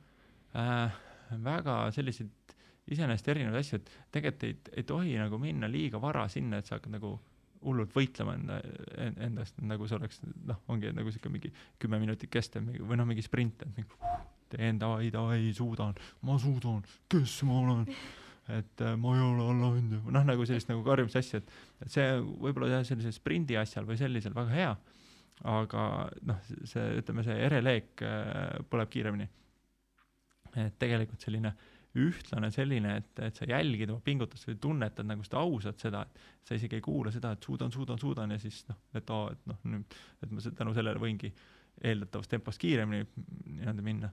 et äh, pigem jah, selline, et, et sa tunnetad täpselt seda pingutusastet ja hoiad nii-öelda, hoiad tagasi. pigem on see, et sul on ainult pidurit vaja. et noh, keha niikuinii saab, keha saab selles suhtes automaatselt nagu hästi aru, mis see distants on, kuhu starti sa oled läinud, et ega sa kui sa oled, noh, kui sul on mingid kogemused olemas. sa tundud täiega äge inimene, kellega koos trenni teha. no Gameboy Tetrisel oli see võimalus, et ta sai sinuga trenni teha, mis tunne sul oli treeneri rollis olla? äh,. väga, väga kusjuures äge ja ma olen, ma olen seda proovinud nagu veel ja ma olen nii äh, mingit lastetrenne asendanud äh,, lasteaias ka liikumist äh,. ja, ja ma ütlen, et see GameBoy treenimine oli kuskil seal noh, midagi sellist lasteaia ja siis noorte seal vahepeal kuskil, aga väga äge, et äh, et ta on, ta on kihvt inimene, et ta on ka väga julgelt tema ise kogu aeg ja sellest seotuvalt oli meil selliseid väga-väga huvitavaid selliseid, et äh, trenni alguses ta teadis, et ei tea, kas see tänane trenn nii hästi tuleb, et just sõin pelmeene. siis äh, noh, siis tuli kuidagi nagu ümber mängida, aga, aga jaa, et me saime ta ja tegelikult päris nagu hästi liikuma, et kui me alguses alustasime, siis, siis kui meil oli see jooksu osa, me tegime jooksköndi ja siis meil oli see jooksu osa, siis mõned inimesed kõndisid, noh, kes läks tööle, vaata kõndis mööda meist. ja siis äh, see hakkas vaikselt muutuma niimoodi, et me jooksime mööda mõnest kõndivast inimesest ja minu arust lõpuks me jooksime mööda mõnest jooksvast inimesest. et noh, sellised etapid tuli teha, me tegime päris palju äh, ikkagi nagu trenne, et me tegime ikka nädalas kolm korda ja, ja kõik, kõik korrad nii-öelda koos. et, et ma arvan, et selles, selles mõttes oli, oli nagu väga kihvt kui pikalt see projekt kestis? äh,. see oli, ma arvan, kas see oli mingi kaks kuud või Hmm. et jah, et ja lõpuks me läbisime kümme kilomeetrit, et meil oligi siukene, siuke plaan, et et muidugi see võib-olla selles mõttes, et mida kõik inimesed ette võtavad niimoodi, see võib tunduda, et noh, mis, mis see nüüd ära ei ole, aga noh, see ongi, see on niisugune lihtne saavutatav igale ühele, et et seda, seda enam peaks see olema ju äge ja motiveeriv eesmärk, et no mitte liikuvale inimesele, ma mäletan oma esimest kümmet kilomeetrit, ma olin nagu nii uhke enda üle lihtsalt. ma olin nagu kõige happy im inimene üldse, nii et see on täiesti legit eesmärk. sellepärast tasubki nendest väikestest äh,, äh, sest noh, see on nii ohtlik on minna sinna minu teele, et äh,, et noh, sul on vaja mingit viiskümmend viis tundi kestvat asja, et nagu silmad särama lööksid, onju. et äh,, et jah, selle, sellepärast on, et alustage need viis kilomeetrit, kümme kilomeetrit, võtke need järjest, et äh, siis on vähemalt see, et et on paar aastat, enne kui sa jõuad nende hullusteni kas sa oled mõne hulluse pooleligi jätnud? äh,. jaa, jaa äh,. mingid kahekümne nelja tunni jooksud ja see võib vahest tunduda, et, et sa jätad nagu mingisuguse trauma pärast või et noh, midagi läks, noh, tegelikult olenemata sellest traumast, noh, siis sa peaksid valima teistsuguse tempo, et tegelikult on need tagantjärgi, on need kõik sellised, et sa ei suutnud võib-olla leppida sellega, et sul oli mingi oma äh, nii-öelda idee, kuidas sa seda võistlust läbid või mis tempoga, noh, sa polnud selleks valmis ja sa jooksid mingil hetkel liiga kiiresti. tempo tapab ja, ja, ja siis, ja siis sa üritad seda, seda kuidagi, on jälle mingisugune negatiivne sisekõne, mis tuleb, et äh, mis, mis ma mäletan, esimene kord ma arvan, et see toimiski minu puhul aga see oli umbes selline, et, et äh, teeskle kukkumist ja katkesta. reaalne hääl ütles mulle, et teeskle kukkumist ja katkesta. ja ma arvan, et seda on ülipaljudel juhtunud ja, ja vahest noh, on mingisugune arusaam, et kellel võis mingi selline sisekõne tulla ja, ja kes on sellele nii-öelda järgi andnud, aga, aga sest, sest ma tean mingitel võistlustel, kus, kus võib-olla see pingutus eh, just võib-olla mingi staadioni peal oleval kuue või kaheteist tunni jooksul äh, on see, et sa jooksed suht nagu selles mõttes niisuguse piiripealse kiirusega, et iga ring tunne, et oh, kas nüüd tuleb maa, kas nüüd tuleb maa. või siis on see, et kui sul on näiteks söögi-joogilaud, siis iga ring mõtled, et nüüd võiks peatada korra, võtta. ja siis paned niimoodi mingi kakskümmend ringi järjest või kolmkümmend ringi, et ja ikka veel ei peatu, sul on täpne plaan, millal sa seal seisma jääd. et äh, aga siis noh, sa, sarju, mina saingi aru, et alguses ma nagu eitasin endale seda, et oo, sellist häält ei ole olemas. ja siis ma sain aru, et see, see hääl tuleb nagunii aga lihtsalt ongi see, et aga no räägime temaga siis nagu venitame, räägime ta ära kuidagi, et et jah, et ta on niisugune nagu, et see, see oli samas nagu väga võimas see äh, tulemus pärast seda, kui, kui see, ma ise sain aru, et, et ma peangi nagu enda suhtes aus olema, et, et mis, mis need nagu põhjused on. et kui ma nagu ignoorin neid ja lihtsalt mõtlen, et noh, kui ma olen paremas vormis, noh, siis ei juhtu midagi. Et siis ma sain tegelikult aru, et ultral see, et sa alati füüsiliselt paremas vormis oled, ei garanteeri sulle seda tulemust. ma ei olegi vist äh, nii ausat nii-öelda lahtiseletust äh, võistlusmomendist äh, kuulnud, seda oli nii hea kuulda praegu. kas sa tahad spordi teemal veel midagi rääkida või me liigume vaimse tervise juurde, kuna me siin vaimu tugevusest juba rääkisime? jaa, me võime liikuda. kuidas ma selle vaimu nüüd siis ära treenin niimoodi, et ma alla ei annaks? ahah, ega. No ma arvan, et kõigil on see, kõigil on vaim tugev, vaata lihtsalt nagu omas selles kategoorias, mis nad teha tahavad. et eelkõige on vaja leida see, mida sa noh, mis on sinu jaoks põnev, mis on äge asi, mida teha. et kui see on nagu käes, siis äh, selles suunas on, tuleb, tuleb kogemustega, et, et otseselt nagu ja ma arvan, et see võib-olla see väga ausalt asjade vaatamine, et see ja, ja võib-olla need alguses need ootused, ootused maha, et ja mitte nagu üle mõelda ja samas noh, tasuks kõiki algajate vigu vältida, et lihtne asi midagi hakkad tegema Google'isse, top algajate vead, mida kõik tehakse, et äh, et ja siis, ja siis oled, mida varem sa oled, suudad endaga aus olla, seda kauem sul see harjumus kestab, seda rohkem sa naudid, sul ei teki mingit frustratsiooni, et, et noh, et lähen, et ainult siis, kui ma alla nelja tunni maratoni jooksen, on nagu hästi, noh, selles suhtes, et ei ole, see ja, ja on, et sa võidki jääda lõpmatuseni mitte rahul olema, et ainult maailmarekordi omanik peaks selle loogikaga rahul olema ja kõik teised on noh, täiesti, miks nad üldse jooksevad. ja, ja siis äh, muidugi jah, ütleme spordi pealt laiemalt, see muidugi noh, natuke läheb siit vaimutugevust eemale, aga seda vaimutugevust tuleb nagu ka võib-olla õppida sellest just nagu teiste pealt ja aru saamaks, et äh, meil on olümpial vennad, kes on kolmekümnes, neljakümnes on ju noh, nii lihtne on vaata, noh, mis pointiga nad seda teevad. aga seal ei olekski mitte kedagi, kui kõik ainult sellise, sellise pointiga nii-öelda vaataks. ja noh, ja mingi ala suhtes on nagu ülioluline, et keegi on seal, et noh, kuskil see, see tipp on, kas see on madalamal või kõrgemal, noh, seda saab paremaks teha, aga nagu et, et kuida-, kuidagi jah, sellist asja, sellist nagu mõtteviisi aru saada, et et peaasi on see, et, et sulle endast meeldib teha ja minu arust see on, ütleme ka selliste, kas see on siis mingite noorsportlaste puhul, et äh, oluline on saada aru, et tee seda ainult siis, kui sa oleks nõus, ka siis, kui sul mitte ühtegi senti raha sellest ei saa, ühtegi sponsorit ei tule sulle mitte kunagi ja, ja kedagi isegi ei huvita, et sa seda teed. ja kui sa siis ka tahad seda teha, vot siis see on nagu täpselt sinu jaoks õige asi. et äh, ma arvan, et siis tulebki see vaimu tugevus, et sa tead, et sa teed seda iseenda pärast ja nagu iseendale. spordirajal sa räägid iseendaga, kas sa tavaelus ka tööalaselt ka räägid ja arutled niimoodi äh,? Jah, vaata probleem pidi vist siis olema, kui nagu vastu keegi räägib, onju. et äh, ma mingeid asju, ma arvan, et ma tegelikult äh, räägin, kui ma jooksma lähen, siis ma räägin mingeid asju nagu läbi ja ma räägin niimoodi, et nagu teises võtmes, et ma räägin nagu enda sellest või nagu sellest, see kriitiline osa räägib vastu, et noh, ütleme, ma tulen mingi mega hea ideega, siis ja siis see teine osa räägib, aa no, mis see eelarve oleks, kaua sellega läheks, palju selleks inimesi vaja, noh, mingi niisugune kohe midagi sellist vastu. Ja siis ma proovin teda see ära veenda ikka, et no tehtav on, et, et et äh, nii ja nii palju läheks ja, ja selle suure kulu saaks selle niimoodi maha ja ja siit leiaks mingid sponsorid ja või kasvõi ütleme, võib-olla kõige rohkem ma mõtlen just mingid enda mingid äh, challenge'id läbi, et äh, või et äh, kuhu ma tahaks minna, mida teha ja siis kellega ja siis proovin mõelda, et kuidas ma need, ma ei tea, kulud kaetud saan või mingid asjad või mi- mis seal see sisu oleks, et siis siis võib-olla see selline mõt-, mõtlemine käib kõige rohkem. no need väljakutsed, mida sa oled endale esitanud, see on ikka, see on ühes, ühest küljest on nagu meeletu füüsiline proovilepanek, aga teisalt on ka väga hull vaimne proovilepanek, et miks sa neid üldse teed?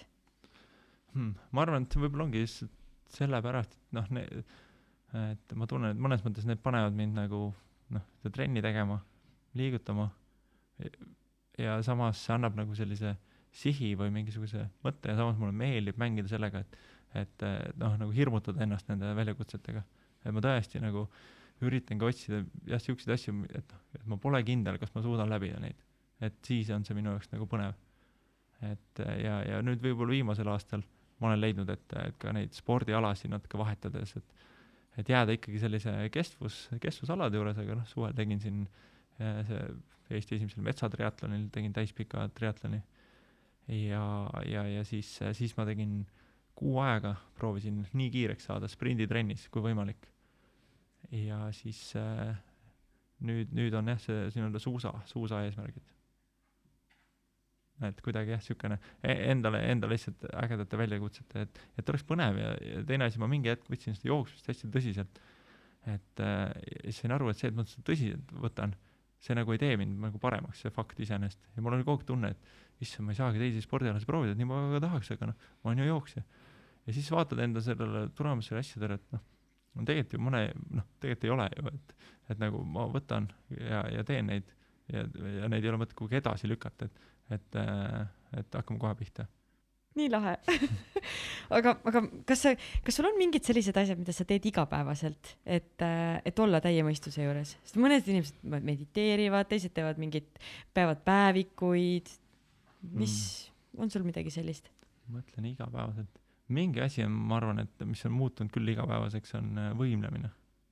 et äh, see on kuidagi ja see annab nagu ülipalju, on selline hetk, kus sa tunned, nagu ei viitsi midagi teha, täpselt see, kus sa ja seda saab teha ju niimoodi, noh, olümpia ajal, olümpia käima ja hommikul võimled või siis noh, või siis vaatad järgi või midagi, ükskõik onju, selle samal ajal saab ka mingit lihtsamat ju üket teha vabalt ja aga, aga just niisugune selline võimlemine ja, ja, ja kus sa noh, kui sa võimled, noh siis käivad see on kuulda, noh mingid siuksed asjad, eks, need ei meeldi nii paljudele. aga, aga noh, mingid, mingid sellised asjad, sa tunned, vaata, vaata normaalsetel inimestel ei käi nagu. ja kui te tahate rää-, te teate, teate, millest me praegu räägime, te olete Spotify's, siis palun minge Youtube'is, te näete, mis asju me siin teeme ja mis kõik ragisevad. Oh man. aga äkki peaks arsti juurde minema? sellega oli mingi vägev värk, et äh, ma vist olin, aa, siis ma olin ajateenistuses onju ja ajateenistujate palk ei ole teab mis nagu suur. ja siis äh, kuidagi läks see ju esimese nädalavahetusega, see palk oli läinud äh,, sest äh, jah, ja siis äh, noh, ainus võimalus ema juurde, kurb nagu vähe ja kõht on tühi ja siis sai süüa. ja siis äh,, siis, siis teed niimoodi ja ema issand, niimoodi ragiseb ja siis ma olen mingi jah, noh, mingeid vitamiine peaks võtma, aga need on nii kallid. Ja siis sai, siis sai natukene see, aga noh, see oli siukene aeg, et tuli riiki teenida, aga tuli, tuli nagu oli veits, veits, veits jah, kitsa, kits-, kitsas aeg. ma soovitaks ikkagi lasta arstil üle vaadata, see päris normaalne ei ole vist. aga teine idee, et äh, see on mu parem käsi. sest et see teeb selle tõesti väga, väga normaalseks. sest teine idee. kuna ma tean, et meil on fänniküsimusi terve eepos, siis mm. -hmm. äkki me teeme kumbki ühe küsimuse veel ja siis Davai, go for it. aa, mina, okei okay,, kui sul oleks võimalik muuta midagi, ei, teeme niimoodi, sa oled äh, peaminister ja sul on võimalus nagu üks mingi väga suur muutus meie riigis sisse viia, siis mis see oleks? Boom, see on küll suur küsimus, Sandra. muidugi. tubli. ma arvan, et võib-olla no on sektoreid, kus saab nagu reeglite ja reglementidega palju teha. Ja, ja siis on ne- neid, kus võib-olla see käsu ja keeluga otseselt ei saa. aga ma arvan, et see, see oleks midagi keskkonna, keskkonnateemalist ja võib-olla rohkem selline, äkki ka selline jäätmete ja, ja, ja selle teemaline, et, et just seda, seda nagu teha rohkem sellisemaks kohus, kohustuslikumaks, et äh, seda on noh, minu arust vähemalt suhteliselt hästi näha mingite riikide pealt, et, et see toimib. Et kui see on nagu eraldi kottidesse või prügikastidesse, kui kõik teevad seda. ja, ja seal võib-olla ongi see, et nagu jah, kui üks Toomas hakkab pihta sellega, kes nagu ei sorteeri ja ütleb, et noh, paroslaul kõik segamini, et noh, see, ei tõesti nagu see tundub, et, et nüüd see fakt, et tema paneb või tema ei pane, on nagu meeletult oluline. noh, ei ole, aga samas see ongi see mõtteviis tekib sellest. siis selle Toomase lapsed on juba selgelt, panevad nagu ilmselgelt äh, hakkavad nutma, kui üks kilekott kukub kuskil loodusesse ja noh, sealt edasi, et praegu on võib-olla see Toomasele see eile viis ehituskorteri jäätmed viis metsa, onju. et noh, kui ta oma jäätmeid sorteeriks, siis tema lapsed ei hakka seda käruga sinna metsa viima. et noh, ongi nagu sellised, sellised asjad, et kõik ei pea olema nagu täna kasulik, aga see, see muudab meid paremateks inimesteks. ma arvan, et mingi sihuke, sihuke reegel, aga noh, ilmselt äh, mu nõunikud oskaksid anda mulle piisavalt täpset nõud ja, ja juba seadusandlikke punkte välja tuua, et mi-, mida tasuks muuta aga mida sa ise igapäevaselt teed keskkonna heaks juba täna äh,? nii, eks ma, ma arvan, ma isegi noh, võib-olla see kahjutegur on ka, et ma suhteliselt palju nagu ikkagi kulutan seda keskkonda käin jooksmas, eks ole, onju, et äh, oota, kuidas jooksmine keskkonna muidugi metsas, jooksed läbi metsa orienteerumine, vaata onju, et siis mm. mm. paned seal, astud mõne seene sa- sambla peale. Võib-olla see oli mõne linnukese lemmikoks. et noh, siuksed asjad teevad ikka kurvaks. aga siis teisest osast tahad nagu tagasi anda, et siis no see jäätmeteema, see on nagu selgelt, et, et ma alati äh, hurjutan teisi inimesi, kellel on kraanikausi all kolm prügikasti ja siis äh,, siis neil on seal lihtsalt mingi hoiavad kilekotte, kahes neist, ühes on kogu prügi. ja siis see on ka nii väike, et noh, siis tänu sellele saabki kohe täis. et äh, halloo, sorteerime. Ja mina, ma sain halloo, no täpselt. et noh, ma arvan, et te võite eraldi äh, keskkonnatemaatilise podcast'i teha. Kuidas prügi see- teine asi see, et peale seda, kui sa alustad, on see ülilihtne. Ja, ja teine asi seal on nagu, ütleme, jätame keskkonna välja, meeletult hea kasvutegur on see, et sa kindlalt ei pea nii tihti enam prügi välja viima. sest, sest noh, sa sa sorteeridki seda edasi, ühe neist, või siis noh, sul on ju mitu rohkem anumaid, noh, taara paned kõik eraldi, onju, ja, ja siis äh, siis, siis tekibki see, et noh, vahepeal see on nagu nädal aega ei midagi välja. et äh, ja, ja muidugi see, et lõpuks sa saad aru, et, et okei okay,, ma peakski siis nagu, no siis hakkab tekkima see, et sa saad aru, mis jäätmeid sa tekitad üldse. et mm. -hmm. see on nagu eelarve tegemine, et eelarve tegemine on mõttetu, et ega mul ikka rohkem peale ei tule. aga jaa, siis sa saad aru, kuhu see läheb ja siis, siis sul tekib arusaam, kas ma tahan sinna nii palju panna. vaatad neid pakendeid ja neid asju, vaatad, võib-olla ma ei taha nii palju neid pakendeid osta, noh. Äkki ostame midagi, kus on, kas mõistlikum pakend või ei olegi pakendit. kuule, ma teen siin äh, sõbramehe poolest teen äh, väikse reklaami, kui sa rääkisid äh, taarast. minu sõber Kaspar tegi sellise asja nagu reuse, kus nad korjavad kokku kõik taara inimeste käest ja siis viivad selle ise ära. jumala lahe äriidee, nii et aidake Kasparile kaasa ja minge. ei, minu taarat ei vii keegi. mul on. sa saad raha selle eest. Aa, aa, niimoodi Nad võtavad jaa, vahendustasusid. jaa, nad võtavad vahendustasu ja siis annavad sulle selle raha ja viivad ise ära. ikka, see tuleb ikka minu, minu Taara, Taara, kuidagi on see, et nagu Taara raha eest ma alati ostan äh, Itile süüa. noh, mitte nagu see, mitte et nüüd kogu selle raha eest, muidu peaks liiga palju jooma. aga siis ühesõnaga, see läheb alati nagu sinna fondi kuidagi ja siis kas siis mingid snäkid või siis nagu toidud, et, et noh, jah, aga ei, see on ääretult mõistlik, sest päris paljudel ongi see, et, et noh, ei ole seda aega, et Taarat ära viia. noh, tegelikult jälle see on mingi ühe pakendi, kus need Taara asjad on, autosse tõstmine, kui sa niikuinii lähed kuskile Prismasse ja siis tšuh, ja seal ongi minu arust äh, näiteks nüüd, kui mul on praegu sel hetkel auto, siis on ülilihtne viia taarat ära mm. -hmm. aga kui sul ei ole autot ja su pakiautomaat on mingi ülikaugel või see taaraautomaat on ülikaugel ja siis sa kõnnid oma mingi kolme suure kilekotiga sinna ja siis see on kinni. siis sa kõnnid sama targa oma kolme suure kilekotiga tagasi, et siis tekib see nagu trots, et no Mhm. lihtsalt võtke ja viige ära. ja, ja ei seda jah, siis on hea, oota Tarmo oli, ei. Kaspar. Kaspar. jah, Mhm. Riius. riius.ee, siis paned äh, Kaspar. Kasparile kõne. protsendid mulle palun. ja siis tahtsin seda ka veel öelda, et aeg on alati, asi on lihtsalt äh, prioriteetides mm.. Mm. nii, aga liigume siis edasi fänniküsimuste juurde. siin on nii palju. okei okay,, ma alustan Erstost. tervitused Erstole, Ersto mu kursavend. kui kaua see mo- Movember sul kestab? Hmm. Äh, see on tore, et see küsimus Erstort tuleb äh, selles suhtes, et mees, kes äh, tegi kuulsaks äh, Eestis nagu kitsehabeme ja kandis seda uhkelt ja noh, ma arvan, et sa tead, mis tunne mul on Ersto, et et äh, eks ta kestab nii kaua, kuni teda üks hetk ei ole. tegelikult see on jah, tõsi, algas võib-olla lihtsalt tänu sellele, et mul nagu üldiselt ei kasva habe üldse ja siis äh, olles nagu üle kolmekümne on noh, ja, ja, ja ajades habe märja salvrätikuga, siis äh,, siis ühel sellel oktoobrikuul ma tundsin, et midagi hakkab tulema. ja noh, siis ma mõtlesin, et noh, vaatame, kuidas siis ma oktoobris hakkasin novembriks valmi-, valmistuma. novembriks juba olin nagu, et noh, oli soe sees ja siis äh, see oli kahju, et noh, nagu kaks kuud kasvatanud.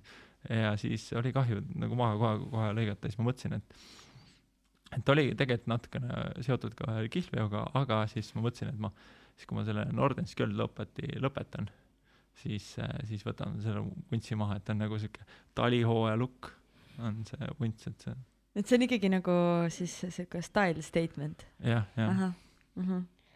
See on väga huvitav stiilivalik. no selge.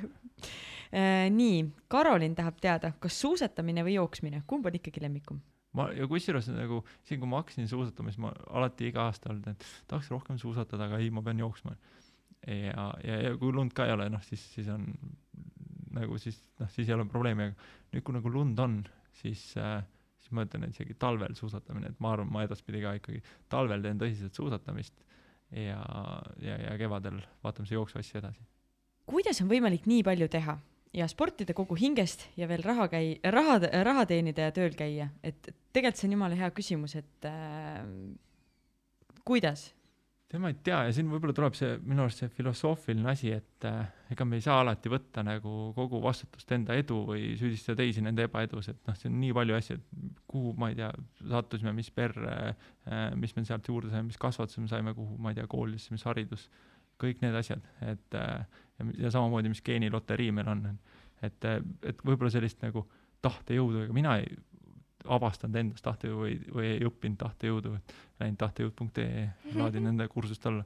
et äh, noh, mul oli sellist olemas, et äh, ega ma ei saagi, noh, see muudabki meid selliseks rohkem humble, et äh,, et mingid asjad meil lihtsalt on olemas, siis me peame nende eest lihtsalt tänulikud olema, aga me ei saa süüdistada teisi, et aa, miks sa ei tee, noh.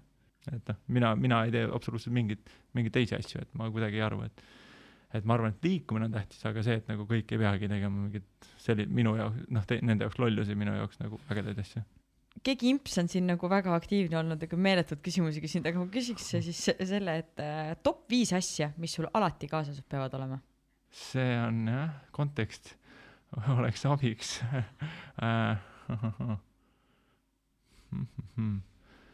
mõtlen, mõtleme, kas ma või, võib-olla võin ise mingi konteksti välja mõelda. muidugi, näiteks igapäevaselt.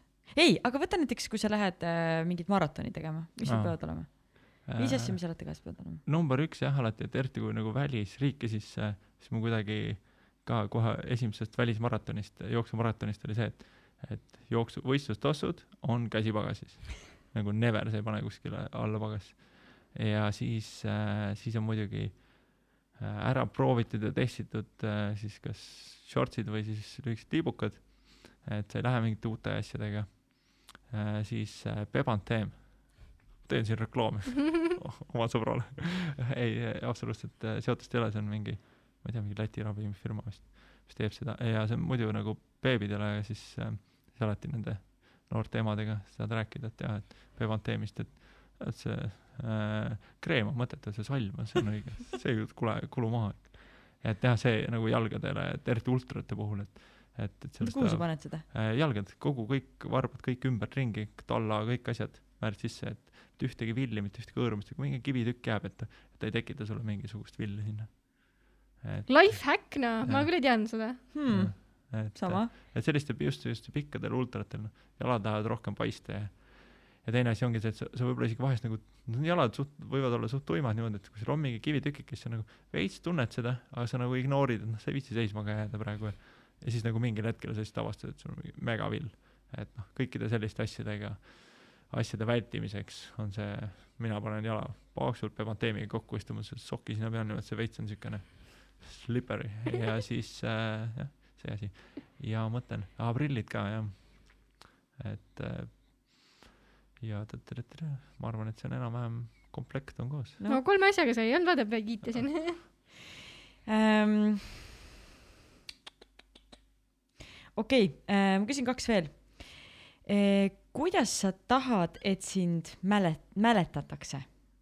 ma olen võib-olla siuke inimlikult hästi pigem, et ma üritan olla ikkagi nagu mingi abivalmis või selles mõttes, et keegi mu poole pöördub, et siis ma nagu naljalt kedagi nii-öelda mingit abi või toetuseta ei jäta, on see siis vaja kuskil kolida või, või on see kuidagi, et on vaja mingit treeningnõu küsida või et, et noh, keegi ei tea, missugust, ma ei tea, kas suuska või, või mingit asja osta või teha või et on vaja väikest äh, suusaõpet kuskil, et et kõik mingid siuksed asjad, siis ma nagu alati leian aega selle jaoks, sest minu arust see on nagu meeletult motiveeriv on äh, kedagi aidata üldse, aga nagu eriti sellises nagu spordi või liikumisvaldkonnas, sest see on nagu, pole paremat asja, kui sa näed, et keegi, kes ennem ei liikunud üldse, ja võib- võib-olla näiteks just suusatamine näide on päris hea, seda on paar korda see talv ette juht-, tulnud, keegi, kes üldse ennem ei suusatanud, on nüüd nagu sa näed, et ta juba liigub, ta juba su-, suusatab, et et see, see on niisugune, et see on isegi nagu ägedam tunne, kui treenida kedagi, kes noh, mingit kindlat aega läheb üritama või mingit kohta, et, niisugune võistlussportlane, et just niisugune see esimene liikuma saamine. väga äge. ma siis tean, kuhu kirjutada. mul on vaja ikka see jooksmine selgeks saada kunagi, kaua ma jändan sellega. jaa, õige. Kairi juba laob seda põhja alla, et mis on kakskümmend tuhat sammu päevas ja, matkamist, aga ma mäletan, mul isa reaalselt nagu kergelt muigas, kui ta nägi, kuidas ma triatloni lõpus tegin oma jooksu ja siis ta oli nagu mingi okei okay,, nojah, et äkki, äkki peaks natukene harjutama seda veel. aga samas see on nagu, see on seda vingem tunne on see, kui sa, mitte ma kutsun üles ilma treenimata, aga noh, väikse treeningu pealt või sellised väi- väiksed distantsid, noh, selles suhtes, et see, see, ütleme, see triatloni see sprindi distants on ju, seda noh, sa võid ju, kui sa õiges tempos lähed, ei ole vaja nagu mingit su- suurt-suurt trenni teha, on ju. lihtsalt paar korda, et sa noh, ütleme, kui see ujumisdistants on ka paarsada meetrit, sa tead, et sa selle suudad läbi ujuda, piisab sellest, et sa tead, kus sul rattal on pidurid ja käigud ja, ja su- suudad nagu ratta peal selle distantsi läbida ja jook-, jooksuomad ka, et see, et sul on jooksutossu tulemas ja et need on õiges suuruses ja ja sa tead, et see vahemaa on nagu kas, kas või kõndjooksudes läbides, siis see võistlusel niimoodi kokku panna, see ongi nagu, see võibki anda sulle selle goal'i, et nagu rohkem pingutama hakata. Väga äge. kas me paneme mingi väljakutse ka? muidugi, üheksas juuli Kõrvemaa triatlon. oota, kes see, mis see, kus see? aa, sulle või? Teil juba on ju, kas teil ei olnud? meil on Kõrvemaa on juba Jaa, jaa. täitsa pekis aa, et nagu meie, meil kolmekesi või? teeme nii, et mina jään sellest välja praegu, mina lähen oma triatloni tegema, sul ei ole eesmärki. ei et no sa see, see võib sinu jaoks ju treening olla lihtsalt. Mis asja? see, see ei tähenda hull pääst. see, see, Sandra, et sa lähed triatloni, tähendab, sa pead kogu maailma shutdown'i panema.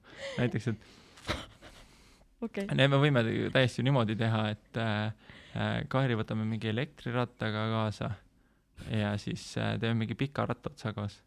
või kuidagi, mina ei, kombineerin Kairi jookseb, aa, et ma tulen. see sada kiltsa jooksen ja rahulikult davai, davai, miks mitte. me võime seda ka teha, et äh, meil on ära pane talle mõtteid, ta on hull sina alustasid, et mina jooksen. ei, ei, me võime nii teha, et meil on kolme peale üks ratas ja näiteks me paneme mingi distantsi, et noh, näiteks läbime sada kiltsa ja noh, kogu aeg peab, noh, kogu aeg ei pea vahetama, aga no mingi aja tagant peab vahetama. appi, see on üliäge mõte tegelikult. see tegelikult on väga lahe mõte. Eh, ma luban teil selle ära teha, täiega luban, ma arvan, et see on geniaalne see ei plaan. ole niimoodi, ma see on, ma arvan, et see tiimivärk. on osa sinu ei, kindlalt, see on ju üleminekutrenn onju. ja on ju, see on ka matkamisel ja, ja, ja et me ei, võtame ma,, ma jään selle juurde, et kui ma väljakutse võtan sellel aastal, siis see on jooksuvaldkonnas, sest ma tahan ikkagi normaalse tehnikaga joosta, et ei, see, vaata Kui kohe see, selles suhtes, et sina, sina jooksed ja keegi on ratta peal ja saab kommenteerida seda tehnikat. tõsta seda põlve, ei lohista puusse ette. Kogu aeg, kuidas käed käivad. ma võin, ma võin saateautos olla.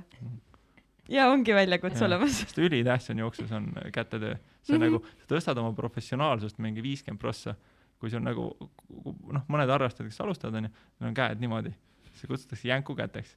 ja kui sa siis juba tõstad käed ees siis niimoodi, kes kuulavad, et lihtsalt Jah, nagu jah. väga niimoodi. kummaline. tulge lihtsalt Youtube'i, mis te niisama kuulate, tulge vaadake ja. tead, kui käed käivad nagu niimoodi lahtised, siis kui sa juba paned niimoodi, noh, siis on racing mode. ja noh, see, ma ei tea, ega ta ilmselt kiirusele suurt mõju ei anna, aga noh, see on Mentaliteedile. ja, ja, ma mäletan, kui mul oli kunagi oli see äh, Hawaii unistus oli äh,, siis ma, ma ha- hakkasin, ma jooksin niimoodi, et ma jooksin nagu käed äh, selles äh, šakas Hang loose. ja ma siiamaani jooksen niimoodi, et käed on šakas, sest et see on kuidagi nii motiveeriv, et lihtsalt nagu see tuletab meelde, et äh, kuule, ega ei kujuta ette kuidas kuidas muud moodi, kuidas Sander Raju jookseb. paar tantsusammu ka vahele ja siis on juba täitsa äh, ma arvan, et jaa, ühesõnaga selle võib tegelikult ära teha, et me võime lihtsalt distantsi võtta täiesti nagu mõistlikku, panna sinna, et sinna jäävad mingid poed ja asjad ka tee peale, aga jaa, kolmekesi ühe rattaga on, on nagu äge. kõlab hästi, davai, teeme ära. Ma tulen jooksen seal vahedistantsi teile. ja, ja siis. ja, ja kõik kõik jooksevad ju, vahepeal vahetame ratast ja sest see, kes ratta peal on ju, see ju sõidab jooksjatega sama kiirusega. jah, ja siis vahepeal on vahetus, see läheb jooksma, teine läheb ratta peale, see on üliäge. ma arvan, et me võime selle küsima. Sandra teab minu viha ratta vastu. ma armastan triatloni, aga ratas kurjana. sa pole mitte kunagi sõitnud rattaga samas tempos, kui keegi kõrval jookseb. see on teistpidi raske, aga nagu see on ikkagi chill. tasakaalu või? muidugi, see on ju põhimõtteliselt sa nagu ei sõidagi. mulle meeldib see, teeme ära, jah. väga lahe. Jaa. Me, meil on vaja kahte häält kolmest niikuinii. nii, aga ma ei saa aru, mis värk on, miks kõik minu endised kursakaaslased siin mingi küsimused küsi-, küsivad. Mellu tahab teada. ma ei tea, kas ma nüüd loen seda õigesti või? Simmantide kõige meeldejäävam või naljakam hetk palun avalikkuse ette tuua. kas see on Simmanite või? Simmanistide, aa, see oli jah. mis see on, mis on see oli äh, selline liikumine, suur liikumine. ja, ja, ja tegelikult ei, see tege-, võib-olla oli see, et mina jõudsin Austraaliast tagasi, käisin vist sõjaväes ka ära ja kuidagi vot see, et kui sa tuled Austraaliast tagasi, tekivad uued sõbrad, sest need äh, mõned, noh, sa suhtled nendega, aga noh, sa oled totaalselt muutunud. Ja, ja sulle tundub, et nagu neil on mööda läinud kaks nädalat, sul on olnud nagu mingi kümme aastat, sul on sees nagu torm, aga nad räägivad sinuga täpselt samamoodi ja sa oled nagu ja, ja siis ikkagi noh, tuleb mingeid uusi sõpru, aga siis kuidagi nagu mingid uksed läksid lahti ja hakkas tulema nagu tekkis nagu sihuke sõpruskond, kogu see sinu kursus äh. Nii toredad inimesed. oli mu suvilas, ma lihtsalt imestangi, et sa ei jõudnud. mind, ma ei tea, kus mu kutse kadus või Jah. te- suure tõenäosusega see võis olla, aga ma lihtsalt äh, ma jälle ei saanud tulla. trennis või kus, tegin midagi. aga siis, siis ühesõnaga jah, siis äh, toimusid sellised äh, suuremad äh, koosviibimised minu äh, armsas suvilas äh,. mu perel oli väga hea meel äh,, suvilanaabritel ka. see vist päädis sellega, et minu arust valda tehti mingi avaldus, et me ei, ei kasuta suvilat sihtotstarbeliselt. meil oli äh, hea sõber Mart Abro, kes mängis kitarri kell kolm öösel ja, ja selle peale noh ei tuldud ja siis mina mängisin pasunat ja siis selle peale tulid mingid naabrid kohale et äh, halloo, siis ma küsisin, et noh, kas ei ole nagu, kas ei ole hea muusika või? Siis ta ütles, et ei, kitarrimäng oli väga okei okay,, see pasun, see lõpeta küll ära. et noh, et sellised äh, nii, aga siis see oli kõige meeldejäävam hetk. ma arvan jah, et need teised noh, las need jäävad, jäävad meie mälestusse. no selge, aga meil on jäänud äh, lõppu kolm soovitust. ah jah, jahaa, Kairik, sa tahad alustada? jaa, üks teos, mida iga inimene võiks tarbida. ma arvan, viimasel ajal üks äge asi on äh, raamatutest Matthew McConaughey äh, see nii-öelda Green Lights. Green Lights, väga äge raamat ja lisaks mina leiutasin ise selle, selle raamatu lugemiskogemuse, on see, et samal ajal, kui ta mainib mõnda filmi, siis sa vaatad Youtube'is selle filmi mingeid tema kohti. see loob nagu aitab seda stseeni paremini ehitada, kui ta räägib, et ta kuulas mingit lugu, siis pane see Spotify'st mängima, see ehitab täiega hästi stseeni. ja lõpuks äh, noh, selle nädal pärast seda, kui sa oled vaadanud kaheksa Matthew McConaughey filmi otsast lõpuni ära, siis oled mingi noh, tavaliselt ei juhtu seda raamatutega, et aga see kuidagi rebib sind nii enda sisse, et see oli äge. ja, ja ma arvan midagi Netflixist äh,, Fourteen Peaks, olete mõlemad näinud onju?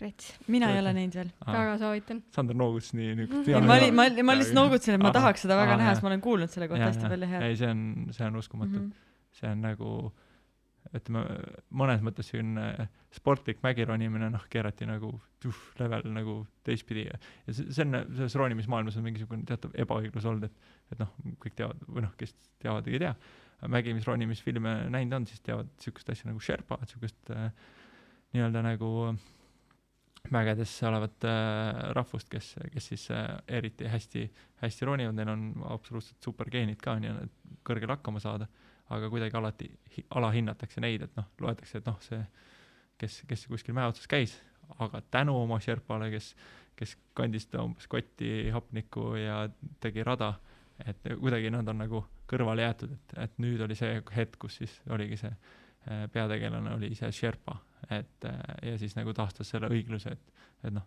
nemad on ikka kunnid seal. et see on siuke äge. Üks oskus, mida iga inimene võiks oma elu jooksul õppida.